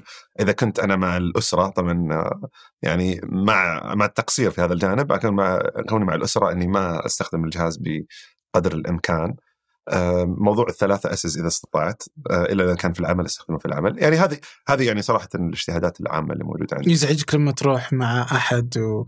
سواء في الأسرة ولا مع أصدقاء ويكون على جواله؟ آه، أنا يعني أثمن الع- يعني التواصل الاجتماعي بشكل كبير صراحة الفعلي يعني. آه، فإذا كانت الجلسة طبيعتها عامة إن إحنا مرتاحين وكذا ممكن يعني أتقبله لكن إذا قاعدين مثلا أنا واحد على عشاء يعني أعتقد إنه من المعيب يعني إنه يكون يرفع الشخص جواله ويستخدمه يعني بطريقة معينة. إيه لا لا، بس يعني برضو إنك تلقى أحيانا دائما كذا اللي بس يفتح الجوال أنت على التنبيهات أحيانا آه، وتصير والله يعني والكل إيه كنت تلقى إنك تفتح الجوال وتدور تنبيه أيه. ما جاني تنبيه بس أنا. بدور إذا في هذا تنبيهات هذا هذا على موضوع ال like الدوبامين أنت قاعد تدور الشعور هذا اللي يجيك عشان يكون موجود. آه، أظن الإحصائية إنه يستخدم الإنسان الجوال يرفع الجوال الإنسان الجوال فوق ال 2700 مرة في اليوم. wow. أظن. حسب ما أذكر يعني. كثير. إيه. يعني على حسب 24 ساعة طيب فأنت تتكلم عن تقريبا 100 مرة في الساعة يعني ها؟ يعني لا مرة مر مرتين في الدقيقة ولا حاجة زي كذا يعني. لا مزعج إيه. والله. بس طبعا مدى مدى دقتها ما. أوكي. طيب آه، يعني في في التصميم ال ال ال إيش سميت أنت؟ ال- ال- ال- القاهر ممكن نسميه قاهر. أو شيء إيه. في تصميم اللي هو التصميم ال- الأخلاقي. إي. وهذا المفهوم بدأ ينتشر صحيح. برا. صحيح. وش نقصد فيه؟ اللي هو ال ethical design ethical design ethical programming التصميم الأخلاقي آه، هو بكل بساطة آه، آه، إدراج المواد الأخلاقية والدراسات الأخلاقية طيب إلى ضمن المنهج في يعني مهندسين التقنية. يعني مثلا أنا قاعد أدرس computer science طيب أدرس آه، علوم كمبيوتر حاسوب أو برمجة. ففي مواد تدرج في المنهج عشان أتخرج طيب آه، حتى أصبح مصمم أخلاقي. فمن مثال طبعا في من أكبر يعني خلينا نقول من أكبر المعضلات الأخلاقية مسألة معروفة جدا في عالم الفلسفة وإلى آخره مسألة يسموها the cart problem مسألة ال- العربة. آه، ال- المتدحرجه إيه، تعرفها يمكن. أنت في المسألة انه في عربة ماشية آه وأنا أبغى أسقطها الآن على التقنية ففي سيارة اوتونومس يعني سيارة قيادة ذاتية قاعدة تسوق والسيارة هذه ما عندها إلا خيارين. طيب ما في إلا طريقين. آه جهة فيها خمسة أشخاص قاعد يصلحون الشارع. طيب وجهة فيها شخص قاعد يعبر طفل. طيب فالسيارة لازم تختار. هل أدعس خمسة أشخاص قاعد يعملون في الشارع؟ يعني موقفهم غلط واقفين في وسط الشارع قاعد يشتغلون بدون ما يوضعوا آه، الحواجز الصحيحة والمنبهات الصحيحة. آه، لكن أقتل خمسة أشخاص وأدعسهم. آه، أو إني أدعس شخص واحد لكن هذا ما هو ذنبه هذا قاعد يقطع الشارع من مكان عمر المشاة. فالجهاز سيقرر. طيب الجهاز كيف يقرر؟ على حسب البرمجة اللي عنده. طيب فمسألة دراسة الأخلاقيات هي عملية توعية المبرمج أو مصمم التقنية بتبعات تصميمه. اخلاقيا وإيش المفروض يبرمج داخل الجهاز آه، على المجتمع ويكون هذا الموضوع موجود. طبعا هذا بدأ ينتشر آه، في جامعات آه، برا بشكل كبير. وإحنا واحد من الأشياء اللي نحاول نطمح لها صراحة حتى في يعني في إثراء عن طريق مبادرة سينك الاتزان الرقمي. هي موضوع إدراج هذا في الجامعات السعودية وحتى يعني بما ان طموح الرؤية واضح في موضوع عدد المبرمجين السعوديين. نبغى يعني نأمل إنه يكون البراند أو العلامة الواضحة التجارية آه، اللي يعرف فيها المترجم المبرمج السعودي إنه هو المبرمج آه، الأخلاقي. the ethical designer هو the Saudi designer is the ethical designer المبرمج السعودي هو هو المصمم الأخلاقي. لأن إحنا عندنا شيء يميزنا عن الآخرين بشكل كبير ألا وهو إن عندنا قيم راسخة نجتمع حولها. آه، العالم الغربي يخ- يخوض طبعا تخبط قيمي رهيب آه، ما ما أحله قبل 20 سنة يحرمه الآن وعكس ذلك طيب والموضوع هذا واضح يعني فالأرض عندهم فضفاضة آه، فالأخلاقيات عندهم تستند حقيقة على رأي بروفيسور أو دراسات حديثة أو شيء آخر. إحنا عندنا آه، يعني آه، تنزيل إلهي آه، منظومة متكاملة إلهية أخلاقية تساعدنا في اتخاذ القرار آه، وفقه أولويات واضح في هذه الأمور آه، فيستطيع تستطيع أن يكون لنا ريادة في هذا المجال على مستوى العالم الإسلامي. فمسألة ال ethical design أو التصميم الاخلاقي أعتقد مهمة جدا ومن أهم الأشياء أي شخص بيدخل في هذا المجال يكون واعي عليها لأن أعتقد نقطة تميز قد تكون. وهذه إنها تكون عند الناس ومن ثم يطبقها ما يطبقها موضوع آخر يعني ولا إن الشركات تصير إي يعني يصير لها إي بالضبط يعني إذا إذا استطعت أنت بعدين إنك تمأسسها بحيث إن الشركات تتطلب معايير معينة أخلاقية هذا تطور أكبر يعني بعد عرفت. يعني يكون موجود يعني. وهل منطق إنه يصير هذه معايير بقوانين؟ إي أمريكا الآن في آه، في قانون ما وصل للسنت وصل آه، أظن آه، إلى مرحلة الولاية يمنع شركات التقنية الكبرى من تصميم التطبيق بطريقة آه، مضرة للأطفال. طيب آه، فهذا توه أظن قبل كم أسبوع بدأ الموضوع إنه عدى المرحلة الأولى وبدأ ينتقل إلى المراحل الأخرى في القضاء الأمريكي يعني. آه، لأن لأن شوف أنت أنت أنت المشكلة المسألة الأخلاقية ترى هي مش فقط على المستخدم حتى على المصمم؟ يعني فيسبوك دفعت آه، يا 52 مليون يا 58 مليون دولار تعويض للأشخاص اللي في الشركة عندهم يشتغلون في فيسبوك طيب اللي يسالتهم تقنين المحتوى بسبب الضرر النفسي اللي جاهم. طيب ف فأنت لما تتكلم عن موضوع يعني جعل الموضوع أخلاقي هو ما مش فقط المستخدم حتى المصمم تخيل أن أنت في عدد كبير يمكن شفت أنت documentary أو الفيلم الوثائقي حق ال social dilemma جزء كبير من اللي قاعد يتكلمون ترى كانوا موظفين سابقين في شركات تقنية. هو ما استوعب إن أنا لما سويت ال like button أو زر الإعجاب طيب إن تبعاته إنه بيصير كذا. فهو ما كان عنده هذه أنا بسميها lens أو العدسة الأخلاقية في التصميم. هو كان عنده هدف معين وقاعد يصمم له وكل ما يزيد عدد المستخدمين هو متحمس. أه، توقف في مرحلة أخرى من حياته وبدأ يحارب أه، الشيء اللي صممه هو. يعني حتى هذا ال infinite scrolling اللي هو آه النزول اللامنتهي آه في في مثلا تويتر. أو غيره. هذا ينافي شيء موجود عندنا إحنا في الطبيعه اللي هو التوقف التلقائي. يعني أنت المفروض تعطيني شيء أتوقف عنده عشان كبرومت أو كمنبه إني أنا أتوقف. لما أنت تقول لي إن هذا لا منتهي أنا سأسعى وراءه. يعني أحاول أن أجري وراءه. إي لا لا. تحدي والله. حتى اتذكر آه، يعني في أنا ناسي وين بس يعني إما إنه بودكاست أو مقالة ما أدري. إيه. بس إنه واحد اللي يصمم آه، آه، اللي هي التوصيات في يوتيوب. إيه. يعني هي واحدة من أفضل الأشياء اللي نقلت يوتيوب إلى مكان آخر نعم بس كان يقول انها كان يرفع يعني يوم اكتشف إنه مع الوقت إنه يخليك أنت تدخل في دائرة ضيقة كل. مرة نعم. انت تبدا تتفرج يوتيوب فمع الوقت يعني هو فهو كان يعزو أن الثورات العربية في. الربيع العربي إن في مصر بسبب إنه آه، زاد الناس اللي يتفرجون نفس المقطع ف... فصار كأن كل العالم حول هذه المقاطع بالنسبة للناس. صح. آه وبعدين رفع على المدير علشان يقول إنه هذا خطر. مع الوقت فصلوه يعني. نعم. فهم قالوا له خذ إجازة. أظن يسموها الآن بابل سندروم ان إن أنت في فقاعة. طيب. ووسائل التواصل الاجتماعي آه، تحاول مش لأنهم يبغون ترى مش لأنهم يبغون بس لأن أنت أنت تحب كورة. طيب. فوش بطلع لك؟ كورة. طيب. وتحب الهلال؟ فبطلع لك مقاطع الهلال. عرفت يعني أنا بعزز للأشياء اللي أنت تشاهدها وتستهلكها. فإذا أفرض مثال أن أنت تعتقد أن آه، التطعيم طيب آه، أو الفاكسينيشن اللقاح طيب آه، اعتقادك طيب ضغط مرة واحدة انه هو مضر فكان في خبر كاذب أنه هو من جد مضر. ستشاهد عشرات وآلاف من المقاطع اللي تعزز هذه الفكرة، بعضهم يدعي إنه دكتور وإلى آخره وإلى آخره، فيتكون عندك فكر مغلوط ممكن يكون عن هذه المسألة. طبعا واحد ممكن يقول طيب ليش ما يدخلون؟ يعني ليش ما شركات التقنية تجي وتدخل الفكر الآخر، يحط لك فيديو كذا وفيديو كذا عشان أنت ما تقرر تتفرج أنت ما راح تتفرج. إيه. أنت ما راح تتفرج. فأنا بالنسبة لي هو ذكاء صناعي قاعد ي... يعني هو شافك إنك كملت الفيديو نعم. بالكامل في هذه الفكرة. صحيح. طيب إيش رأيك يعطيك فكرة نفسها؟ نفسه فتكمل. أي نعم. فهو يبغاك تقعد أطول فترة ممكن بغض النظر عن شو المحتوى ما. يفرق معه. صحيح. اي لا لا يعني يعني عواقبها اللي أنا متخوف المصمم ما. يدري منها. أنا متخوف جدا والله. أنا أنا يعني ما أحب ال يعني اكزاجيريشن أو التضخيم للشيء لكن أنا متخوف جدا من المجهول يعني اللي قادم أتكلم عن مجتمع يعني جيل. أنا أتكلم عن الجيل الذي طبعا إحنا علينا إحنا بس أتكلم الجيل آه، من الأطفال. آه، يتربى تماما على جهاز التواصل الاجتماعي. تماما تماما. يعني من المهدي إلى اللحد هو متصل.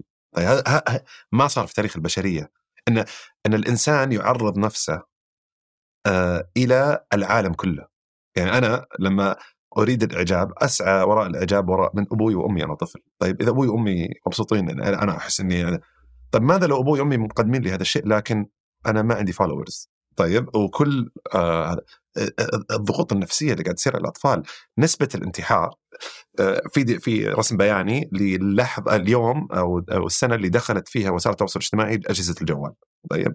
آه، ما أذكر والله آم، وبعدين حطوا عليها آه، رسم بياني من آه، ال CDC اللي هي Center for Disease Control مركز ال- آه، التحكم بالأمراض في أمريكا طيب؟ الحكومي.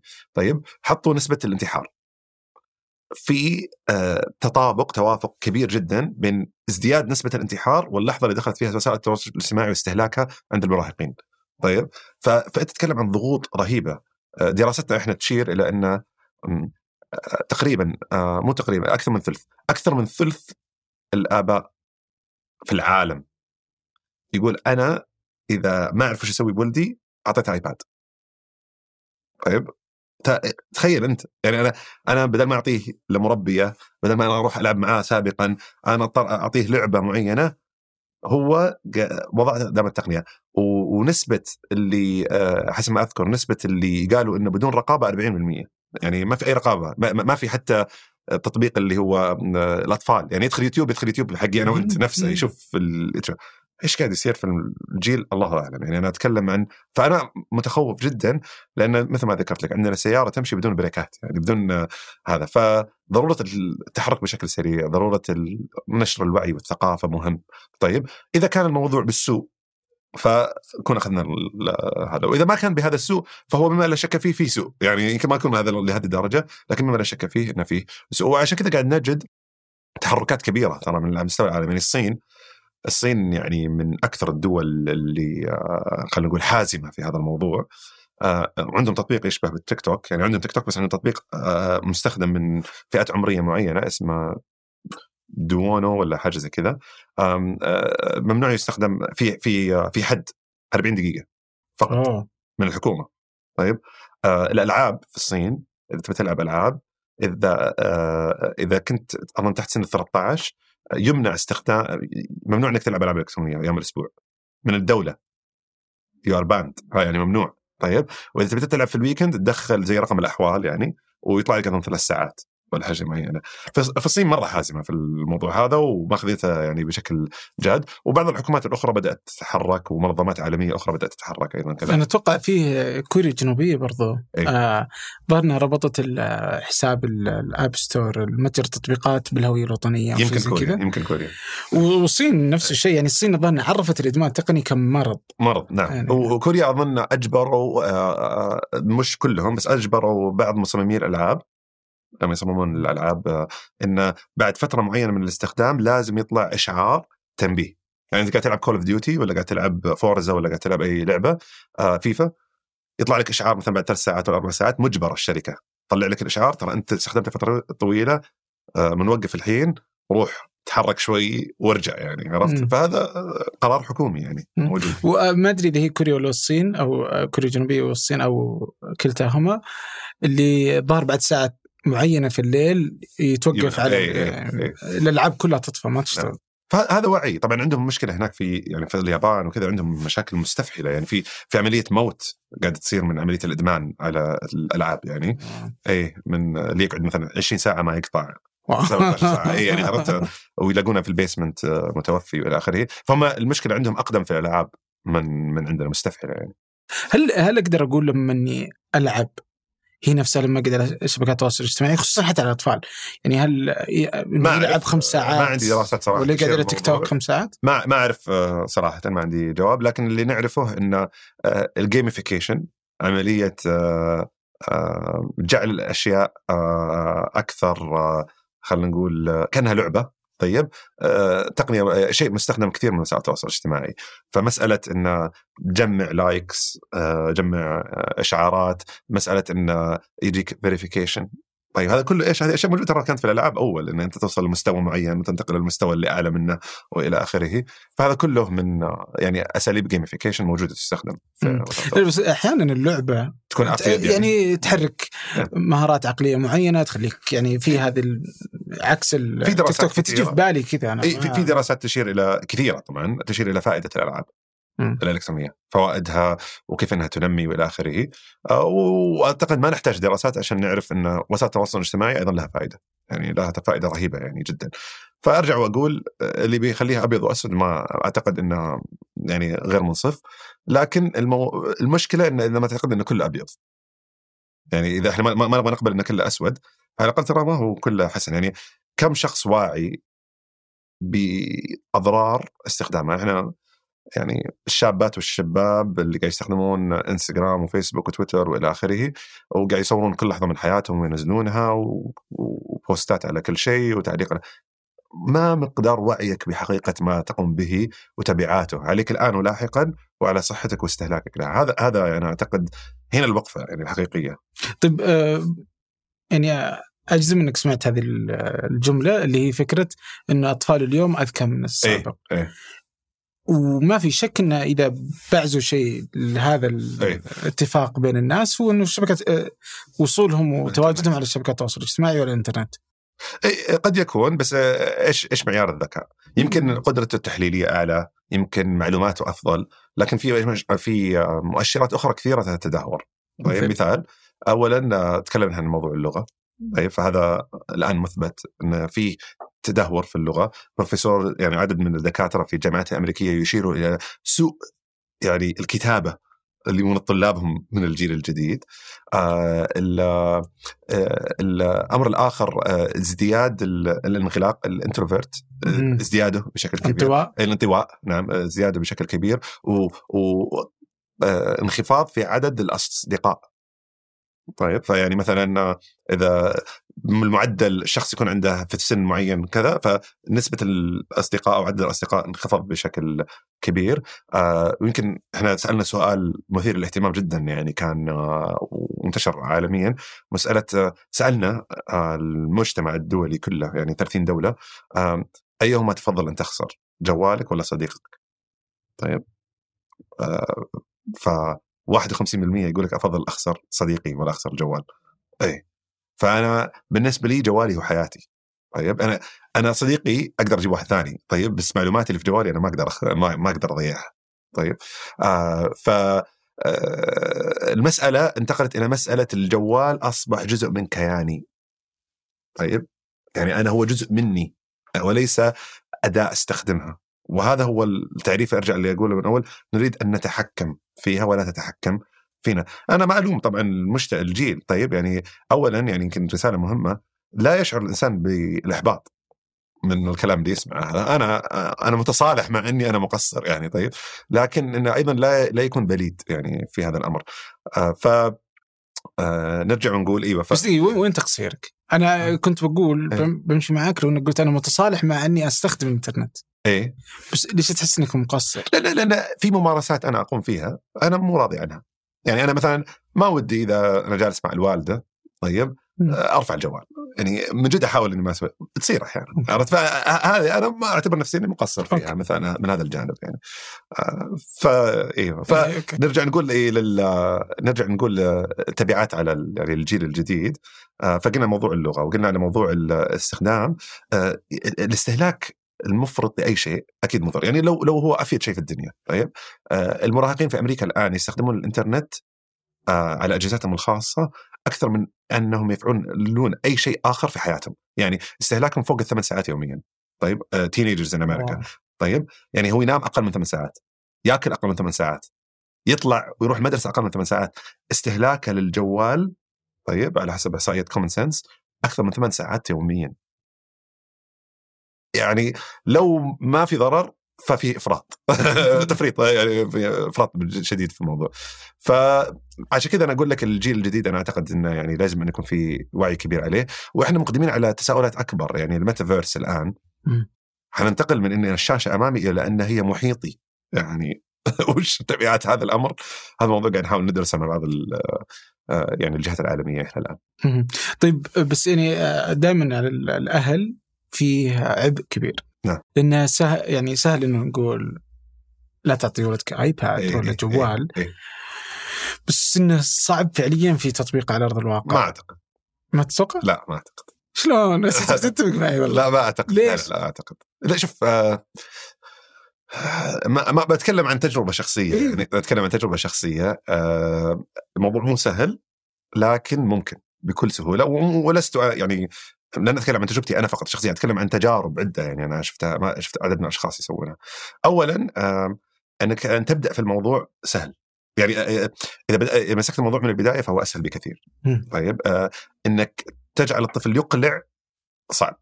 طيب فلازم انه يكون قرار طيب من ال- الأسرة كاملة طيب إن مثلا الطفل هذا لمدة أول سنتين لن يتعرض لشاشة تماما طيب اي أي نوع من الشاشات الناس يقولون لك لا أنا أحط الجوال قدام الولد وأشوف على طول ما شاء الله أحط إصبعه وأعرف يمسح هذا ما أنا لا يعني لا لن يعني ليست يعني دعوتي هنا إلى أن موضوع أن الطفل غير ذكي أو أنه لن يستفيد من وجود التقنيه، لكن لها مضار، هذا مثبت علميا خلاص يعني موجود. طيب فأنت يعني هل بتعطي طفلك دخان؟ طيب ما راح تعطيه دخان، أنا أعرف إن التقنية تؤثر يعني الشاشة بالذات تؤثر في الطفل ولها ضرر صحي. طيب فأنا لن اعطيه. البدائل يا أخي طول عمرنا كنا نتربى بدون جوال. يعني يعني ترى المسألة حديثة ما صار لها 10 سنوات ها فقبل 10 سنوات كيف كنا؟ يصيح الطفل تشتري له لعبة تسولف معه تتكلم معه ترابط اجتماعي عاطفه إلى اخره.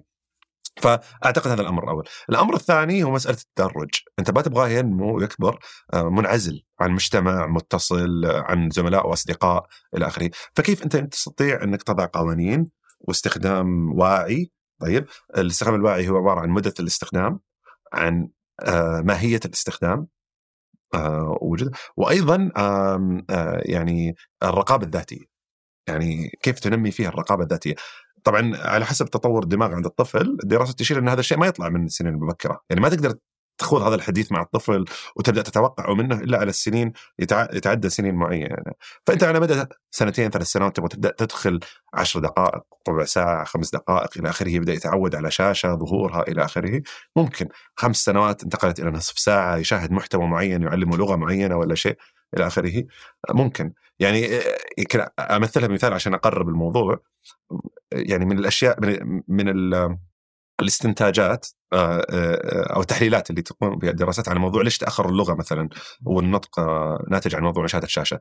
لأن الإنسان كيف يتعلم الحديث؟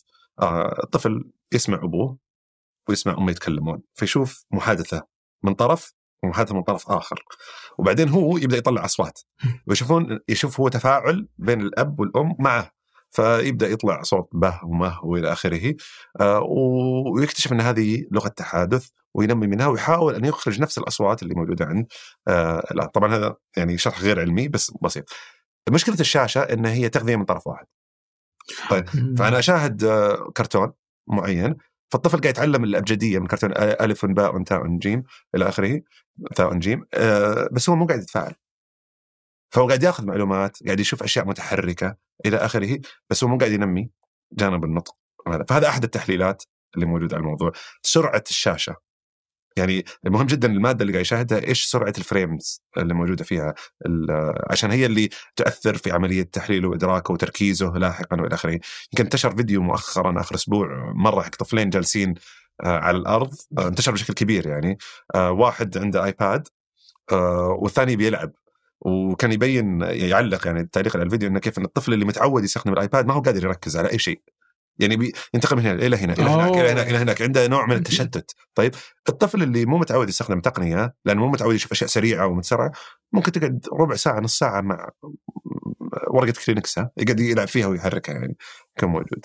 بس يجي التحدي هنا هل هذا اللي جالس على ورقة كلينكس أفضل؟ أفضل؟ أنا تقول لك من جانب صحي أكيد أفضل.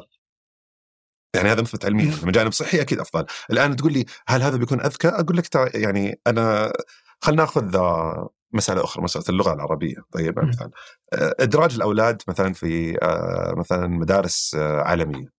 طيب نفس الحجة دائما تطرح التعليم هناك أفضل فأنا حدخل حدخله في مدرسة عالمية أو دولية عشان يدخل فيها. أنا اللي أقوله إن الخسارة الناتجة عن فقدان اللغة إذا كان طبعا مع يعني ما أتقن اللغة العربية طيب؟ خسارته للغة العربية آه وخسارته للإرث والثقافة والهوية المرتبطة بها تماما مقابل إنه يكون يعني مور ساينتفك أكثر يعني متطور علميا آه فهي معادلة خاسرة في رأيي تماما طيب؟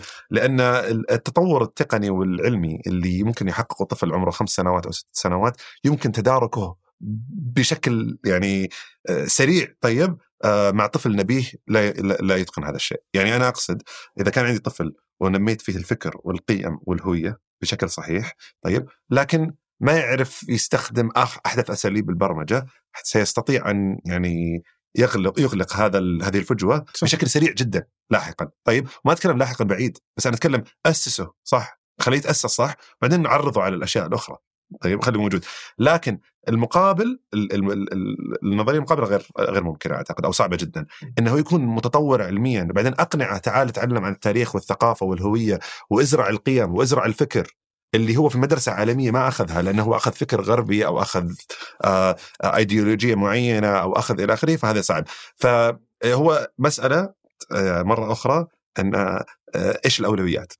أولويتي ابني يعني آه، آه، أريد أن أفخر به أنه يتكلم باللغة الإنجليزية بطلاقة طيب ويستطيع أن يبرمج روبوت وعمره ست سنوات ولا أقول أنا ما عندي مانع أنتظر لما عمره تسع سنوات ولا ثمان سنوات ويتقن هذه الأشياء لكن سننمي فيه أشياء قد يعني هي أساسه اللي, حقيقة هي تميزه طيب عن آخر لأنه ممكن يكون عالم زي أي عالم لكن لما يكون عالم ذو قيم وهوية وفكر معين من منطقة معينة و... وديانة معينة وإلى آخره فهذا هو اللي أعتقد أنه ممكن يكون مميز إيه، لا تحدي والله. يعني الأطفال اليوم أحسهم يعيشون تجربة آه، مختلفة تماما.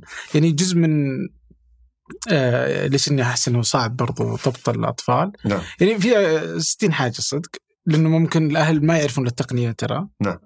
آه، بالشكل اللي يمكنهم إني صح. أقدر صح. أسوي آه، ال iCloud حق طفلي يكون حق. child وأنا أسوي عليه التحكم الأبوي وجس واحد. 100% اثنين إنه يكون هو already واحد من الناس اللي الأجهزة تتحكم فيه. صحيح. آه يعني هو عرضة لإنه يكون نعم. هذه. ثلاثة الأقران. جدا. أحس، الضغط آه، من الأقران الأقران جدا. مش طبيعي. عادي عادي. آه، ف بس عشناها في الجوال. يعني ما أدري أنت يعني أنا في الثانوي أنا في الثانوي داخل الجوال. فصار في ضغط إنه أبي جوال يعني. على الوالد يعني له أبي أبي جوال. فالوالد يعني كان واضح جدا يعني في طريقته إنه أنا الهدف من الجوال الاتصال أنا بطلع لكم جوال أنتم كإخوان اللي بيطلع منكم يستخدمه بس ما عندك جوال خاص يعني تستخدمه. فأعتقد موضوع يعني التربية آه، ب بوعي وما لها اوت يعني ما من إذا إذا خلينا التربيه في يد يا اما العاملة أو في يد التقنية فأنت يعني قاعد تخليك يعني حظ ونصيب. الولد هذا شلون يطلع آه لكن أنت دورك لازم يكون فاعل خاصه في السنين الأولى يعني لأن 90% من يعني آه، ذهن الطفل ودماغه يتشكل في السنين الخمس الأولى. آه هذا الاتزان الرقمي إيه. في اتزان ثاني إيه. في اتزان بين ال- ال- ال- الحياة إيه. آه والوظيفة اي إيه. إيه. كيف هذا معك؟ لا الحمد لله. أعتقد إنه يعني طيب. آه، طبعا بتسأل بعض المقربين لي من الأسرة بيقول لك لا عبد الله اشتغل كثير يعني. بس آه، شوف طبعا مسألة الاتزان ترجع يمكن مسألة آه، مهمة يعني أيضا مرة أخرى عندنا في الدين مساله الوسطية ومسألة انه ما يكون في لا افراط ولا تفريط في الأمور. فأنا حريص إن يعني أنا محظوظ أعتقد جدا اولا إن وظيفتي رسالتي جزء من رسالتي. ج- جدا يعني آه يعني آه يعني آه أحمد الله سبحانه وتعالى بشكل كبير عليه. إني أنا اولا أحب وظيفتي بشكل كبير وبآخر آه شكل آخر أعتقد أنها تقدم الرسالة أو أحد الرسائل الكبرى اللي أنا أريد ان يعني أن تكون لي. لأن نظرتي للأمر أن أنا أنا مكنت من مؤسسة معينة منصب معين أو يعني ايا كان. وهذا التمكين آه، كبير ومسؤولية ضخمة جدا. آه، وأنا علي أن أتواضع آه، أمام هذه المسؤولية. ويجب علي أن أعطيها حقها هذا أهم شيء. آه، وعندما يأتي يعني وقت المساءلة لاحقا آه، إنه يكون عندي إجابة في سعي للأمر هذا. فعندما أنظر الوظيفة بهذا الجانب آه، فأعتقد إن في اتزان. لأن أنا أي ساعات إضافية أضعها في العمل آه، أي جهد إضافي أي مشاريع أطلقها أي إلى آخره. هي في النهاية آه، باتفاق حتى يعني مع الأسرة وإلى آخره ان نحاول نحقق أثر معين. اعزو ان الله سبحانه وتعالى يجعل فيه بركة فيني وأسرتي وأولادي وإلى آخره. آه والى جانب ذلك طبعا في الأمور الدنيوية اللي أنا مهتم فيها يعني أنا أنا اعشق كرة القدم بشكل كبير جدا فعندي آه يعني أمارس الرياضة بشكل جيد اتابع الرياضة آه أحب الاطلاع إلى آخره وغيره من الأمور ففي اتزان جيد آم، آه الحمد لله مستطيع إني أنا آه،. احققها يعني آه، وأعرف إن هذا الشيء مش سهل على الكل يعني في كثير من الناس هذه الجوانب مش متاحة لهم يعني أنا لا أعتقد إنه هذا يعني بسبب يعني شيء كويس أنا سويته يعني, يعني إنما هو يعني توفيق من الله سبحانه وتعالى على الظروف اللي محيطة فيني. إيه، فيه آه، مدحت عامر في إيه. حلقة سابقة فكان يقول ما في شيء اسمه توازن بين الحياة والعمل إيه عملك بياخذ كل شيء. آه وفكرة التوازن بين الثنتين غير صحيحة لأنك لا يمكن أنك تكون موظف جيد. آه وتقول إني أنا بافصل ما بين الثنتين نعم. آه فالموظف الجيد هو اللي بي إذا مدير اتصل عليه في أي وقت لو الفجر يرد عليه أذكر الحلقة إيه. فقديش تتفق مع الفكرة لا آه، طبعا أتفق في جوانب كثيرة من الأشياء اللي قالها لكن أنا يمكن ما اعتبر إنه اختلاف لكن بضع يمكن إطار مختلف. آه، آه، يعني ما هو اختلاف عن فكرته لكن إطار مختلف. طيب آه أنا أقول إن خاصة المناصب القيادية طيب يعني المناصب القيادية ال- في فرق بين الإدارة والقيادة. طيب الإدارة عملية استخدام الموارد بكفاءة عالية جدا لإنتاج شيء معين. طيب فأنت عندك هدف معين target معين عندك KPIs معينة مؤثرات مؤشرات أداء وأنت مدير جيد تستطيع أن تحقق هذه المؤشرات بكفاءة عالية. طيب هذا هذا واضح.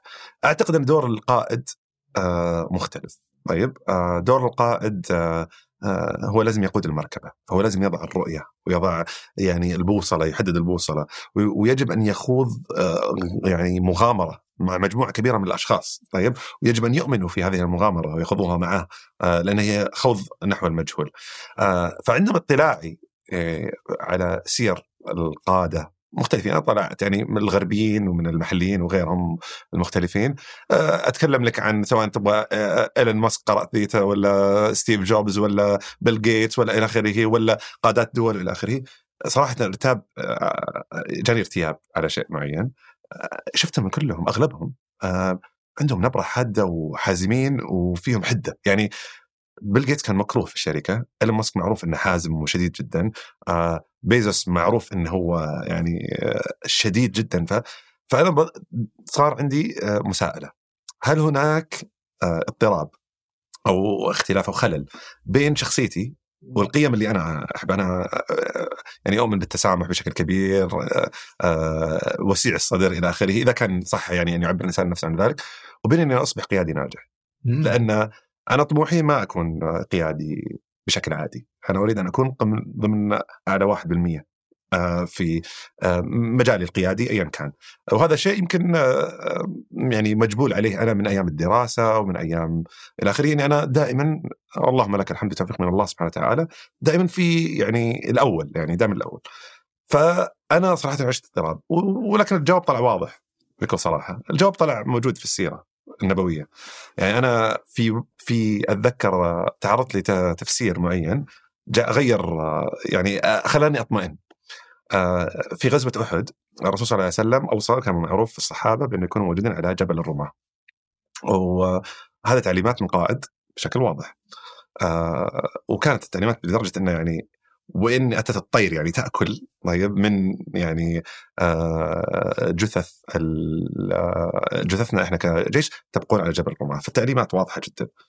آه، وإذا بي يعني كما هو معروف في السيرة ما حصل ان آم، يعني الرماة اختلفوا فيما بينهم لأن المسلمين انتصروا وما خسروا وصار في تأويل مختلف الراي إن الرسول صلى الله عليه وسلم قال إن ننزل ما ننزل إذا كنا خسرانين بس إذا فزنا خلاص انتهت المعركة ننزل.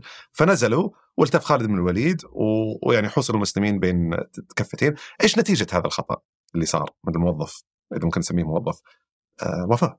يعني نتج عنه وفاة استشهاد عدد كبير من الصحابة.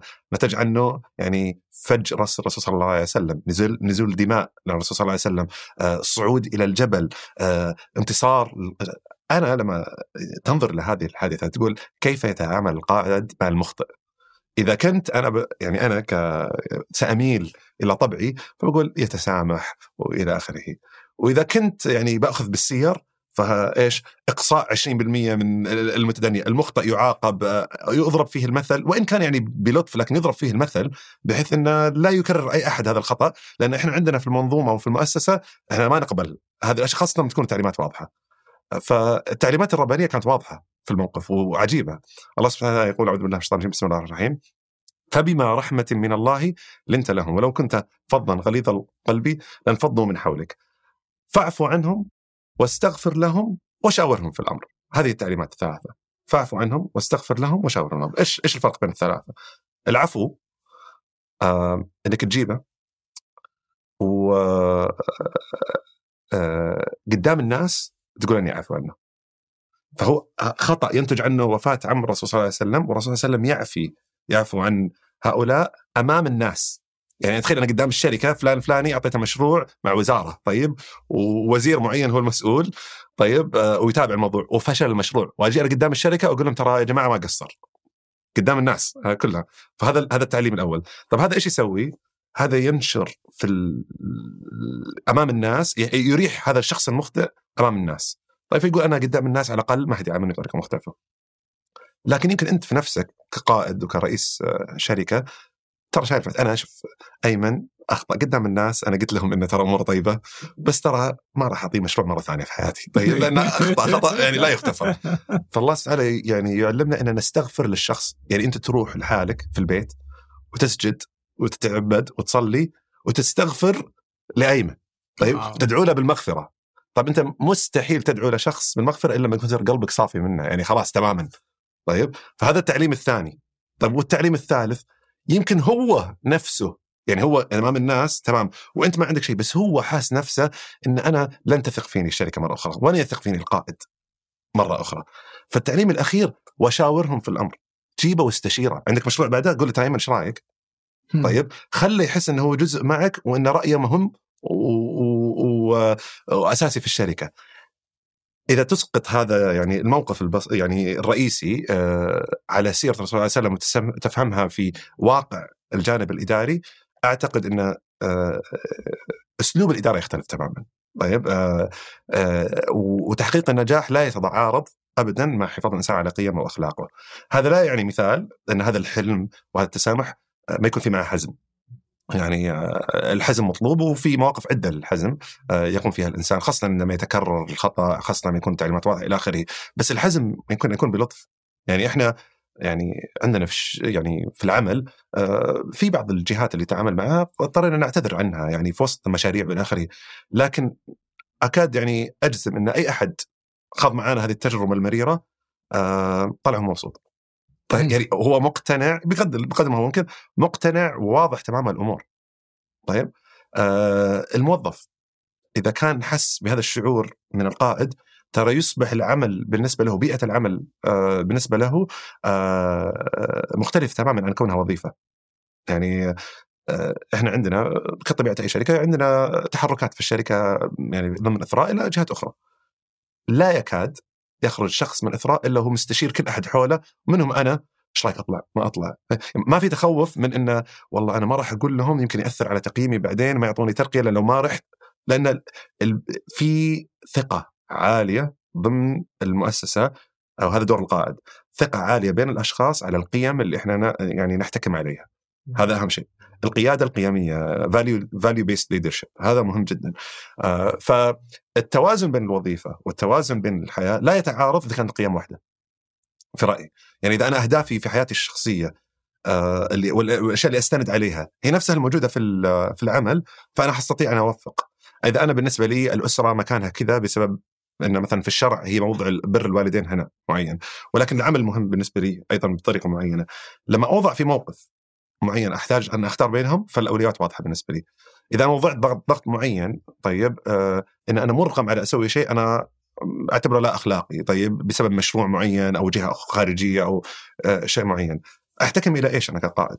أحتكم إلى منظومتي الأخلاقية القيمية الموجودة اللي هي بالنسبة لي أنا ديني اللي تساعدني في قياس هذا الأمر وإني أنا أكون موجود عليه. ف أعتقد إن يعني القيادة القيمية شيء يمكن مع تسارع الدنيا إحنا نفتقده آه، ويصير الإنسان يجري يسموه الرات ريس يركض وراء شيء هو ما يعرف وش هو طيب آه، كبرت ثمانية وصارت عشر شركات وصارت مئة شركة وصار مليون محتوى وبعدين يعني إيش إيش الغرض منه؟ الأهم إيش رسالة المنشأة؟ المنشأة ورسالتي أنا في المنشأة. يعني في اختلاف إيش رسالة المنشأة وإيش رسالتي أنا في المنشأة؟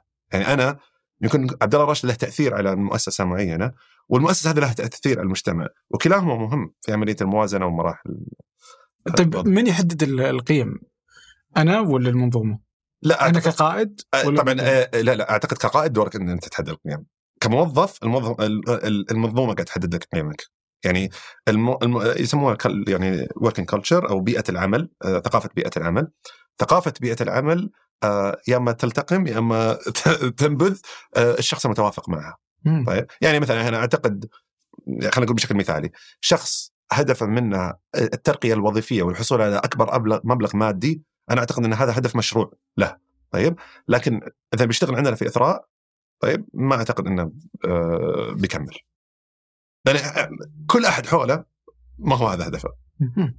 لا في اتخاذ القرار يعني اللي هو قد يعتبره نجاح ويجي يفخر فيه أمام يعني رئيس أو إلى آخره الرئيس بيقول له طب الله يوفقك في هالجانب بس الجانب اللي أنا همتني يعني مثلا أنت حقق نجاح في المشروع لكن خسرنا الشركة اللي إحنا كنا نتعامل معها. أنا يهمني شراكاتي مع الشركات. أنا مش هدفي تحقيق النتيجة بأي ثمن. طيب أنا تهمني الخطوات هاو وي جت اللي نصل فيها إلى هذا الشيء. هذا معيار مهم في عملية تقييم آه، الأفراد. طيب موجود عندنا.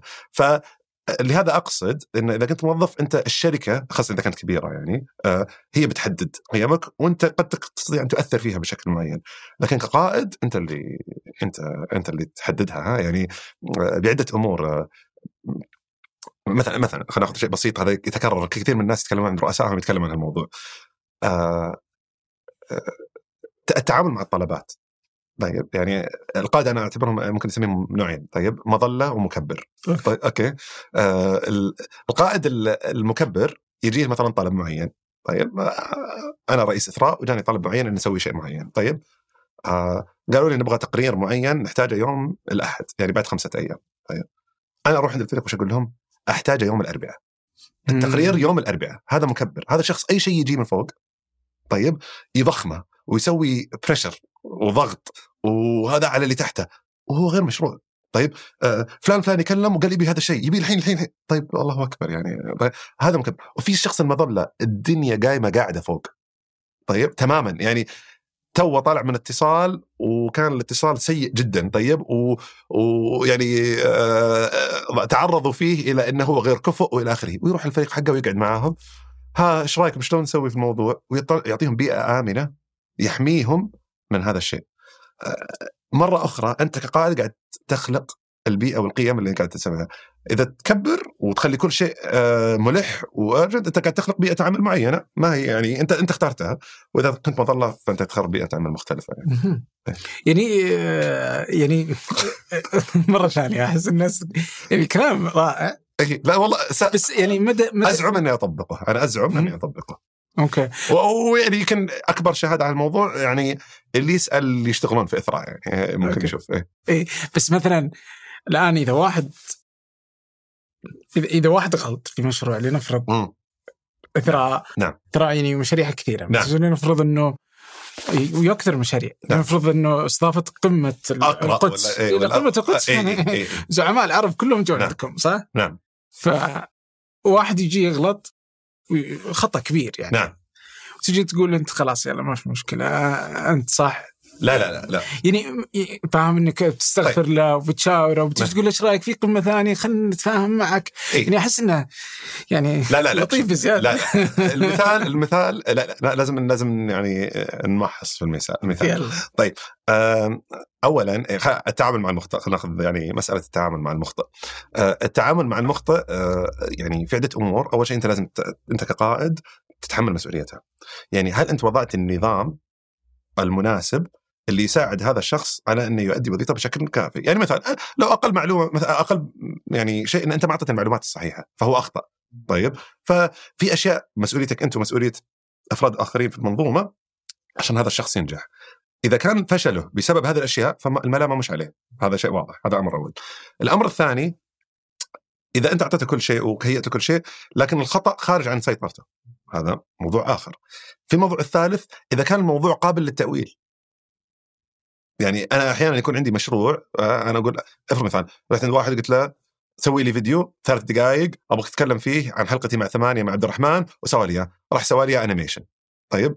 فجاء هو يعني كل المعايير اللي اعطيته إياها طبقها. أنا يعني هو أول الموضوع إن أنت تبيه كذا ما فهمك. هذا أنا مرة أخرى ما ألومه.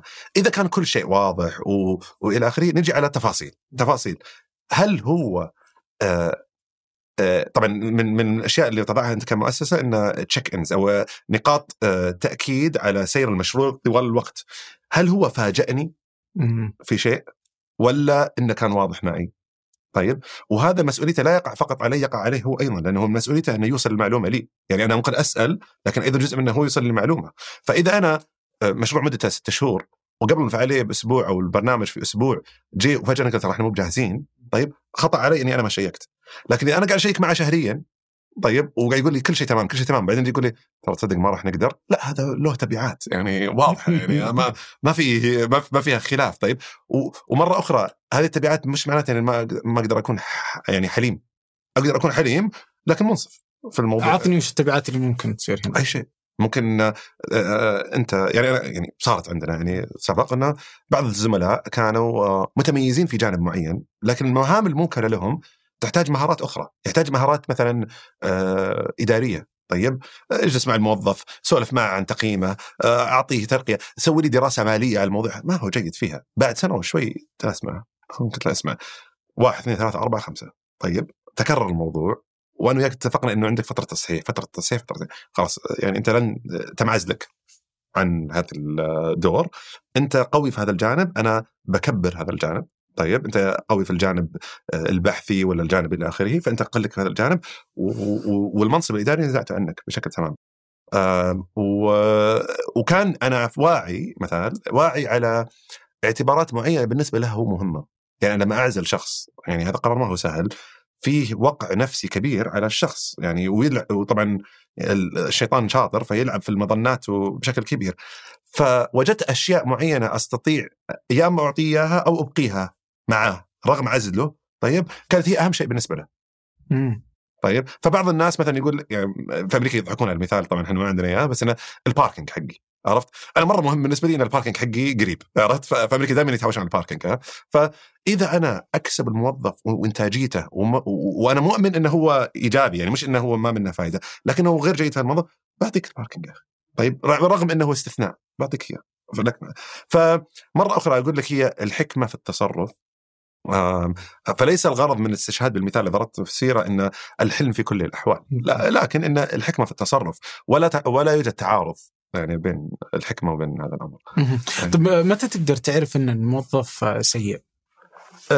أعتقد يعني من أكبر المؤشرات إذا كان يزعم أشياء غير حقيقية طبعا فتكتشفها أنت يعني إذا كان سيء في طريقة وصوله للنتائج بالنسبة لي يعني أنا أحب أسوي تقييم 360 درجة غير رسمي آه. يعني نحن عندنا في الشركة عندنا النظام الرسمي، أنا أسوي تقييم غير رسمي، يعني في في سؤال واحد دائما يعجبني أنا أحب الأمور البسيطة. أنا أرسل لكل موظف يعني إذا واحد اشتغل على مشروع معين، خلينا نقول اشتغل على تنوين ولا اشتغل على أقرأ. طيب؟ أرسل لكل أحد اشتغل تحته وكل أحد اشتغل معه وكل المقاولين. آه. طيب؟ سؤال يعني خمسة أو ست اسئله بس هو أهم سؤال عندي سؤال، هل تود أن تشت... يعني تعمل في مشروع آخر مع هذا الشخص أو لا؟ بس. هذا السؤال يلخص كل شيء. إذا قال لك إيه طيب معناته أن هذا الشخص في التعامل وطريقة وإلى آخره كان جيد. إذا قال لك لا لا. الحين هذا مختلف عن نتائج المشروع، نتائج المشروع كان ناجح، حقق أهدافه، سوى الصيت اللي أبغاه إلى آخره، لكن طريقة وصولك، وبعدين أجلس مع الموظف. أقول له ترى اسمع. كل اللي اشتغلوا تحتك مبسوطين، بس كل قرنائك كانوا منزعجين. آه. مثال طيب فقرنائك يبدو إن في مشكلة عندما لا تك... ما تكون عندك سلطة على الأشخاص مع يكون عندك سلطة أنت قريب من الناس وتمكنهم لما ما يكون عندك سلطة يبدو إنك أنت كذا واحد اثنين ثلاثة أو المقاولين أنا أنا جدا يهمني يعني فقط لأن في جهات قاعدة تقدم لك خدمات طيب معينة ان لا يتم استغلال هذا الموضوع. آه، أتكلم مش استغلال من ناحية عقد لكن استغلال من ناحية الأسلوب. يعني يجب أن تشعر الشركة الأخرى انها هي مستفيدة من مشاركتها معنا، يعني كان يقولها محمد بازيد لما كان يشتغل كثير يقول أشتغل مع إثراء ولما أخلص من الشغل مع إثراء أشوف إني أنا انتقلت لمستوى جديد. يعني هذا هذا آه، يشترى بماء الذهب يعني يكون موجود. فهذا أساس في في العمل عندنا يعني شيء أساسي إن نكون حريصين على تنمية جميع الأطراف. فمن المؤشرات كذا يعني أنت لازم تضع المجسات. طبعا لا يمكنك أن تضع هذا الشيء إلا لما تكون أنت قريب من الشارع يعني إذا أنت تغلق عن نفسك الباب وتعمل دور المدير وتدخل تدخل الاجتماع تعطي القرارات وتطلع هذا الاسلوب في الإدارة. آه يمكن أن يعني تستمر فيه إذا كان عندك أشخاص تثق فيهم جدا جدا جدا هم أذنك في الشركة. لكن إذا ما كان فيجب أنت أن تكون قريب يجب أن تكون جدا قريب من الناس. طيب كيف تقدر تعرف الموظف الناجح؟ آه أعتقد ان يعني الشخص ال- الناجح الشخص هو الذي يؤدي مهامه الموكلة لها الموكل بها آه، آه، بشك بشك بإتقان وإحسان و آه، يؤدي أو يقدم ما لم يطلب منه طيب كمبادرة من عنده طيب ضمن أطر المنظومة لو ما بادر يعني أنا واحد لشغلته إنه ما أعرف مثلا استقبال مم. طيب فأول شيء لازم يكون موظف استقبال خرافي. طيب يعني أحسن موظف استقبال. طيب آه، فأقول لك بإتقان يعني كلمة إتقان آه، هذا شيء آه، مهم. بعدين إنه لأنه هو موظف استقبال بس شاف إنه مثلا أغلب الناس اللي يدخلون عندنا في الاستقبال آه، عندهم مشكلة في الباركينج دائما يجوني وأنا أوقف وأنا أوقف. فيرجع ويرفع يقول أنا أوصي ان نسوي واحد اثنين ثلاثة أربعة. هذه مبادرة ما هو مطلوب منها كموظف استقبال. ففهموا لرساله المنشاه وإلى آخره يجعله يبادر بتوصيات أو مشاريع. آه هذا هذا أعتقد إنه هو الموظف الناجح. آه وأرجع وأقول المسار اللي يعني يجمعها كلها آه يعني هاو هي داز كيف يؤدي هذه الأمور. لأن هذه النتائج لكن كيف يسويها؟ أخلاقياته قيمه مهمة جدا يعني يكون. okay. طيب ما إذا كان إنه يسوي شغلته الأساسية وما يبادر تحت أي شكل من الأشكال هل يجعله موظف جيد؟ إي. جيد. إيه اعتقد موظف جيد.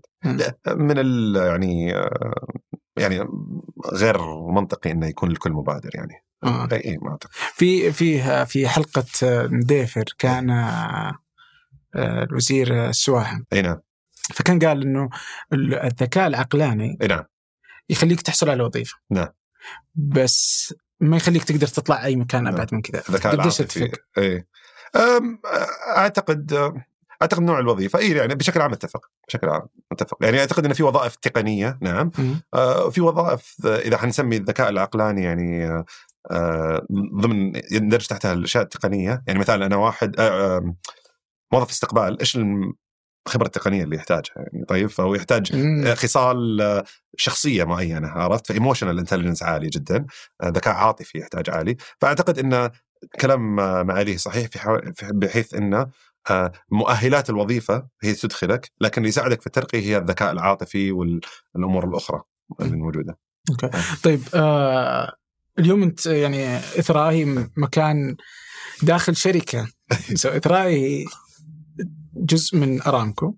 فودي الفرق بينهما الحين أنا ليش أجيب أرامكو؟ so أرامكو هي مكان نعم.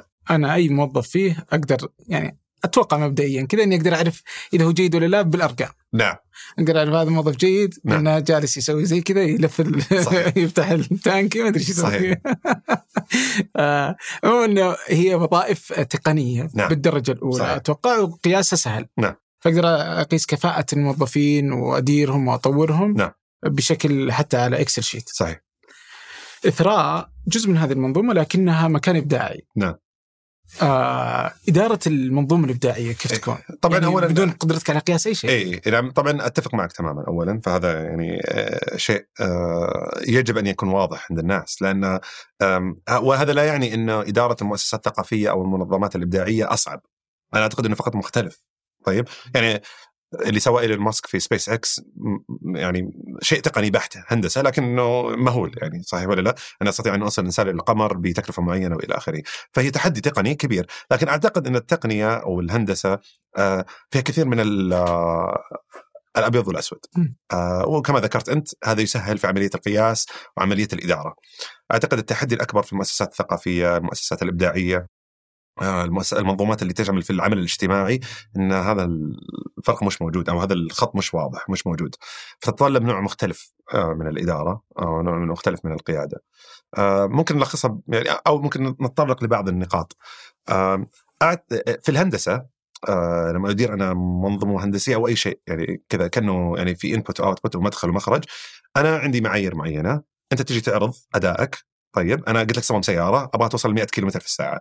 تجي أنت تقول لي ترى قدرنا نصمم سيارة هي آمنة وكل شيء كل معايير تشك تشك تشك تشك تمام؟ طيب وخلاص تمام صح أو لا؟ إحنا وأنت تعيش هذا كل يوم كذلك أنا أجي أطلب تصميم مثلا لبوستر إعلان طيب؟ ويعرض أمامي طيب؟ إذا سأتعامل معه كمدير آه، ما عندي ما عندي غير واحد من ثلاث خيارات طيب؟ أتعامل معه كأنه هندسة. طيب آه، هل فيه آه، ستة ألوان نعم هل مقاسه صحيح هذا خيار طيب لكن لا لا يحقق الهدف الخيار الثاني إيش تضحك؟ طيب هذا الخيار الأول. الخيار الثاني وهذا أعتقد إنه أغلب الناس في المؤسسات اللي من هذا النوع يستندوا إليه وهو خطأ. مم. آه، ال- ال- ال- الاعتقاد الشخصي، الرأي الشخصي. يشوف التصميم آه مو مرة عجبني. طيب آه ما أحس إنه يبي لنا فاحساس شعور يمكن بعضهم يستطيع أن يعبر عنه بطريقة أفضل لكن هو في حقيقة الأمر هو يستند على رأي شخصي بحت فقط طيب. وكثير من الناس يعود إلى هذا الأمر ي- أو خلينا نقول يتكئ على هذا النهج لأنه هو النهج الرئيسي يعني في عملية مسألة الإدارة الثقافية أو السهل. أعتقد أن ال ال ال الإدارة الثقافية والإدارة الإبداعية تتطلب نوع ثالث من الإدارة وهو إدارة آه، طرح السؤال الصحيح. فقط. آه، أنا لما يعرض إمامي تصميم من قسم التسويق أو غيره أنا ما أعطي رايي أحاول ما أعطي رايي بقدر الإمكان. طيب. في بعض الأشياء تطلع من إثراء آه، كذوق أنا أتفق معه بعض كذوق لا أتفق معه. يعني إثراء لا لم يوجد لعبد الله الراشد أو أي مدير ايا كان مدير المركز. وإلا ما كان في برامج أطفال. أنا لست طفلا. طيب. وإلا ما كان في نوع معين من الأفلام. فالغرض إني أنا أسأل السؤال الصحيح. اولا آه، يعني النوع الأول من الأسئلة يجب أن يكون في استشفاف آه، آه، مغازي آه، المطروح من الشخص اللي قاعد يقدمه. اللي صمم التصميم هذا وش كان ليش صممه بهالطريقه فلازم تكون في عدد من الأسئلة أصل إلى لب ونواة فكرة التصميم.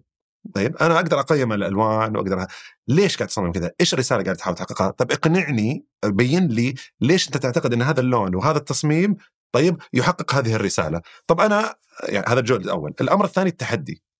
طيب إذا أنت تقول إن هذا هذا التصميم مثلا آه، يقربنا من الفئة المستهدفة اللي هي graphic designer طيب فاطفال فلهذا اخترت الألوان إلى آخره أقول طيب أنا أتحداك طيب أنا عندي تصاميم أخرى لا تستخدم فيها الألوان ولا كذا لكن تعطي طابع من ال- الرقي طيب آه، وكذا. وأعطيه مثالين أو ثلاثة أمثلة أو أربعة أمثلة. إيش رأيك؟ هل تستطيع هل تعتقد إنه يمكن هناك إنك تكون فكرة من هذا التصميم تدرج في هذا التصميم إلى آخره؟ أو حاول بقدر الإمكان إني ما أقحم شيء لكن أدفعه للتساؤل.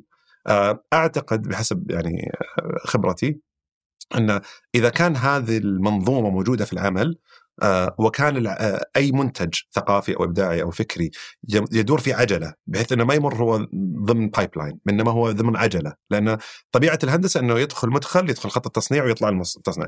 هنا لازم يمر ست مرات سبع مرات ثمان مرات فالمنتج عادة في النهاية يكون مقنن بشكل جيد يحقق الهدف آه، عميق.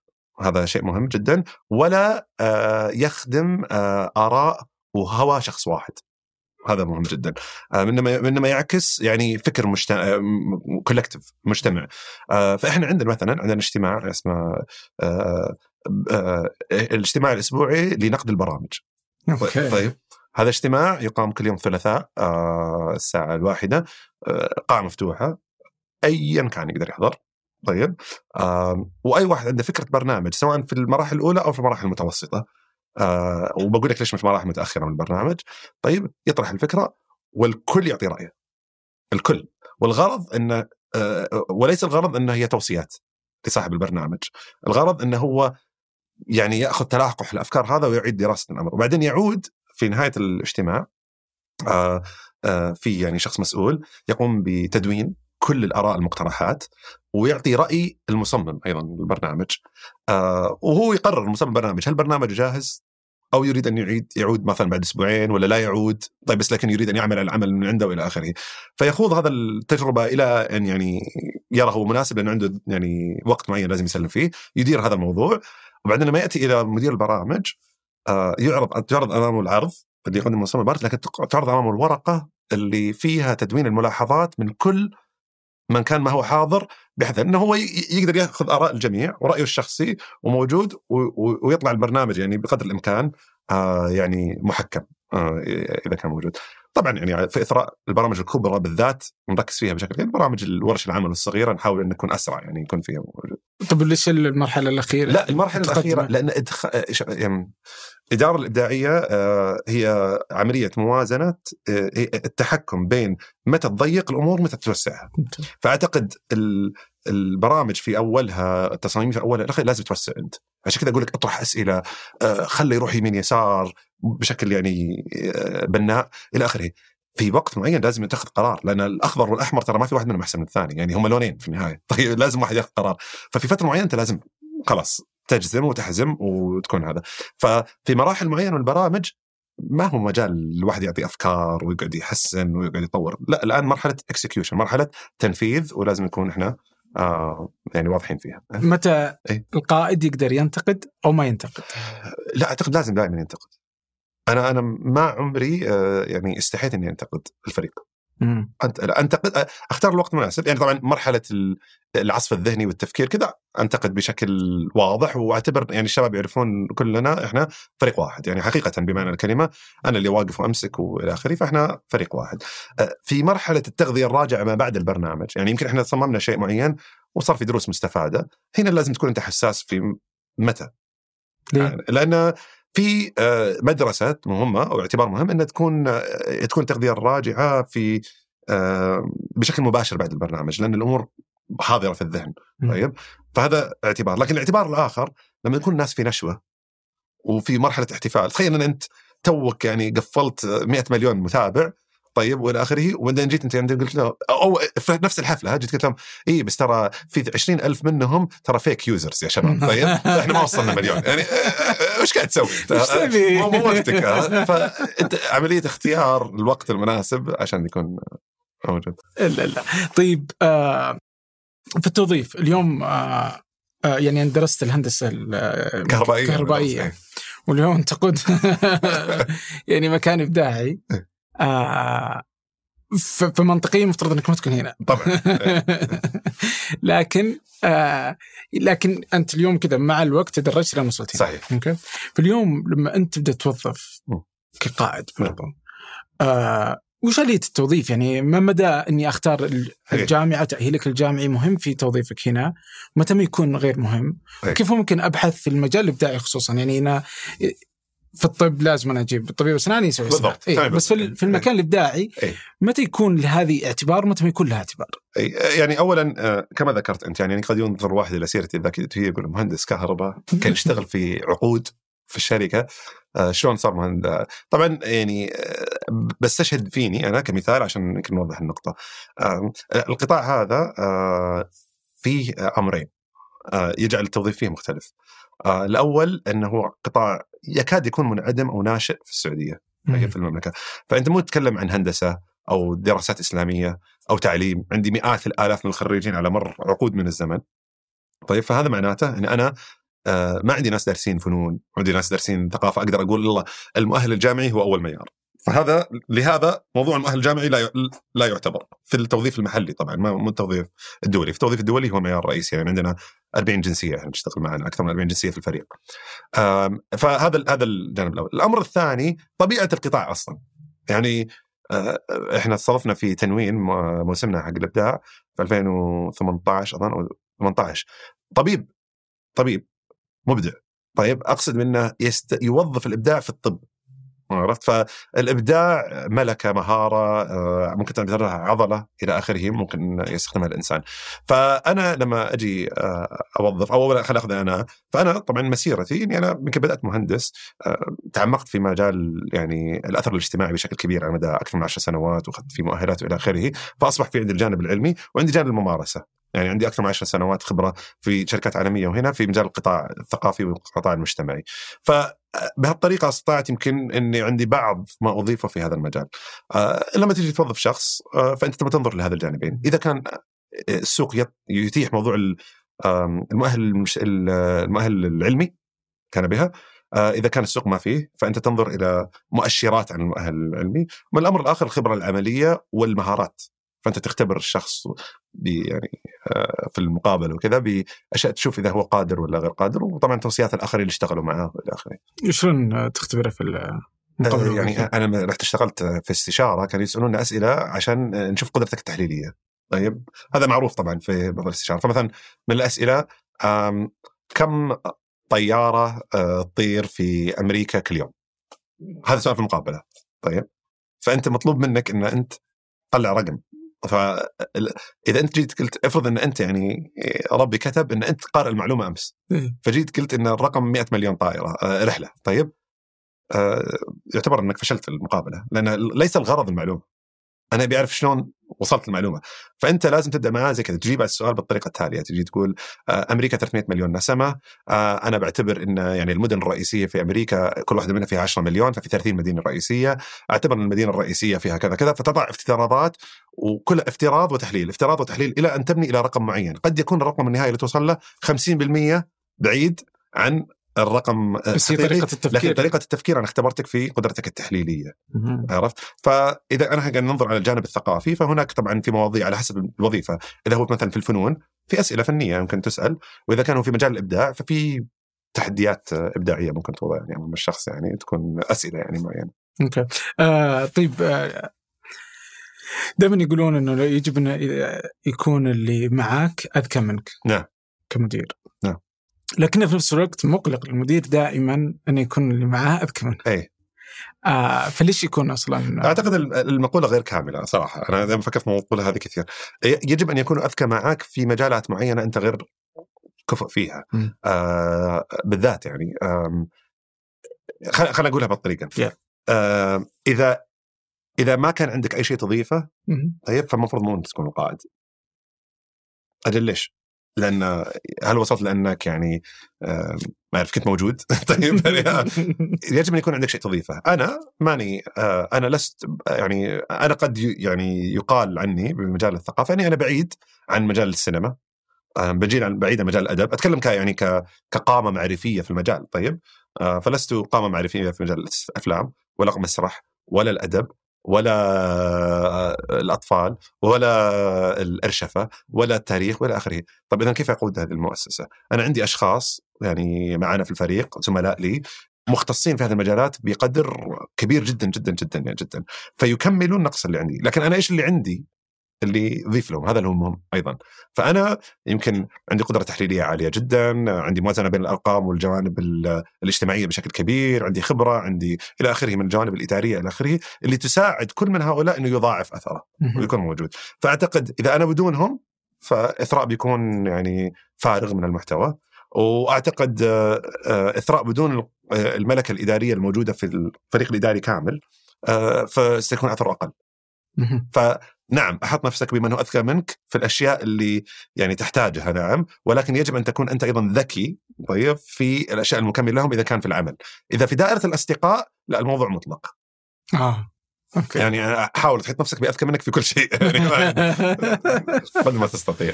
طيب الله يعطيك العافية والله. الله يخليك. آم، يعني آه، في في سؤال في بالي. يعني ما عندي خلصت أسئلتي. زين. بس يعني نسيت منه و حسي ليش اخترتوا Sync؟ اي طبعا آه، مسألة إيش الاسم الإنجليزي اي ليش إنجليزي يعني وأنت ألقى يعني حريص حريص جدا اي أنا بتقبل من آخرين عادي إي. بس أنت حريص على القيم إي، لا، لا. والثقافة طبعا آه، هذا الشيء آه، خلينا نقول في شيء عام عن إثراء أه. وأتوقع كثير من المؤسسات الثقافية إن آه، هي تتعرض لنقد شديد دائما مم. طيب طبيعتها أنا أعتقد إن أي شخص يشتغل في المجال لازم يتقبل هذا الشيء طيب ففي انتقادات تجي على آه، إيش أثر إثراء في انتقادات على آه، من مثلا الفنانين؟ آه، إيش سويتوا للفنانين؟ آه، إلى آخره. آه، أنتم تهمون اللغة العربية وتزعمون هذا وتختارون لي باسم برنامج أجنبي. طيب إلى آخره. آه، طبعا كل شيء له جواب. يمكن ما في المنصه لطرح هذا الجواب إلى آخره وإحنا واجبنا التوضيح. آه، وبعض الأجوبة موجودة بس لمن يبحث عنها. فسينك آه، الغرض آه، كان في نقاش طويل عن موضوع اسم سينك إحنا كل برامجنا باللغة العربية. طيب كلها. أقرأ تنوين حلول الابداعيه كلها كلها باللغة العربية. جائزة إثراء الفنون غيرها. آه هذا البرنامج اختير انه يكون باللغة الأجنبية لسببين. طبيعة المشكلة والقضية هي قضية عالمية. أنا لا أستطيع أن أعالج مشكلة التقنية و آه، وسائل التواصل الاجتماعي والفرد طيب في السعودية وباقي العالم ما حلها فأنا لازم هي عملية محادثة مع العالم والبرنامج يتكل بشكل رئيسي على الشراكات آه، فكان ضمن يعني بعض ال focus groups اللي سويناها إلى آخره اختيار اسم عربي طيب آه، سيسبب آه، نوع من الغموض. يعني آه، بيقولون اولا خلينا نفرض مثال إن اسم البرنامج باللغة العربية إيش كان في من الأسماء آه والله؟ بحاول أتذكر الآن كان مثلا من الاشياء حتى, حتى مو عربي كان في واحد نص عربي نص إنجليزي تكنين طيب اللي هو تك تكنولوجي آه. ونين تقنين يعني في التقن- تقنين طيب فإنه يعني قريب ممكن واحد يقول طيب. طيب فهذا بس مثلا هذا إيش عيبه؟ لما تروح تتكلم أنت مع جهة معينة إلى اخره اولا بيقول لك وش تقنين مم. فتشرح له وش البرنامج. آه ومو واضح من الاسم. بعدين لازم يشرح له وش إثره. بعدين لازم يشرح له وش ارامكو بعدين يقول لك السعودية. طيب لأن طبعا أنت في التعامل مع الجهات الخارجية آه هناك أيضا بعض التحديات طيب آه يعني الغير منصفة فيما يتعلق في إنك أنت مثلا مؤسسات غير ربحية خارجية تتعامل مع مؤسسة سعودية ويدخل في مواضيع ما لها علاقة ابدا في مجال العمل لكن إلى آخره. فإحنا آثرنا إن يعني أثر البرنامج يصل آه بانه يكون الاسم عام. حتى شلنا منه كلمه اثراء كان أول إثراء Sync وخلينا بس Sync بحيث إنه يمكن يتبنى كقضيه من عدة جهات. وهذا الآن يمكن حتشوفوه السنة الجاية إن شاء الله. إنه آه، يعني ما راح أسمي الجهات لكن الجهات العالمية المعروفة طيب اللي شبيهة بال UN ويونسكو إلى آخره آه، ستحتوي ال brand. طيب حيكون البراند محتضن فيها يعني في بعضها. طيب عشان آه، هو آمن للجميع ان يت- يرتبط به. ولكن حرصا منا على اللغة العربية استحدثنا مصطلح الاتزان الرقمي. فجيد جميل إنك سألت لأن أنا حريص على توضيح النقطة يعني إيه، لا، وعندنا. أخطاء سابقة ترى يعني إحنا سبق إن أطلقنا برنامج مرة اسمه يعني بسمى بسمى إنجليزي لكن يعني نحاول نتدارك الموضوع لا لا أحيانا عادي يعني يعني هذا مفهوم يعني يعني التوضيح. والهدف بس أحيانا يكون مهم.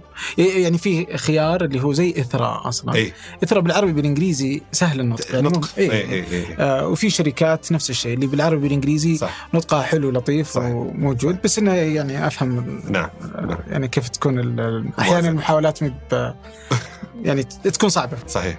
آه واللي أنت تبغاه أهم شيء الأثر يعني صح. فالهدف اللي هو الوصول و- وبسيطة هذه.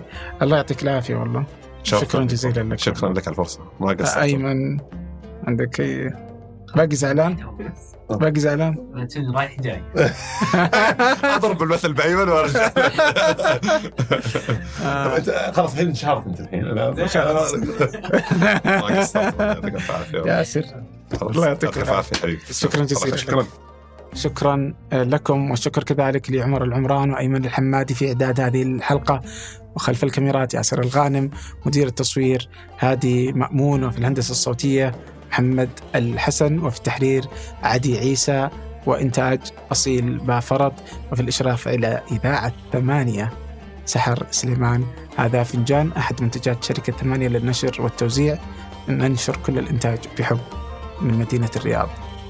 الأسبوع المقبل ألقاكم.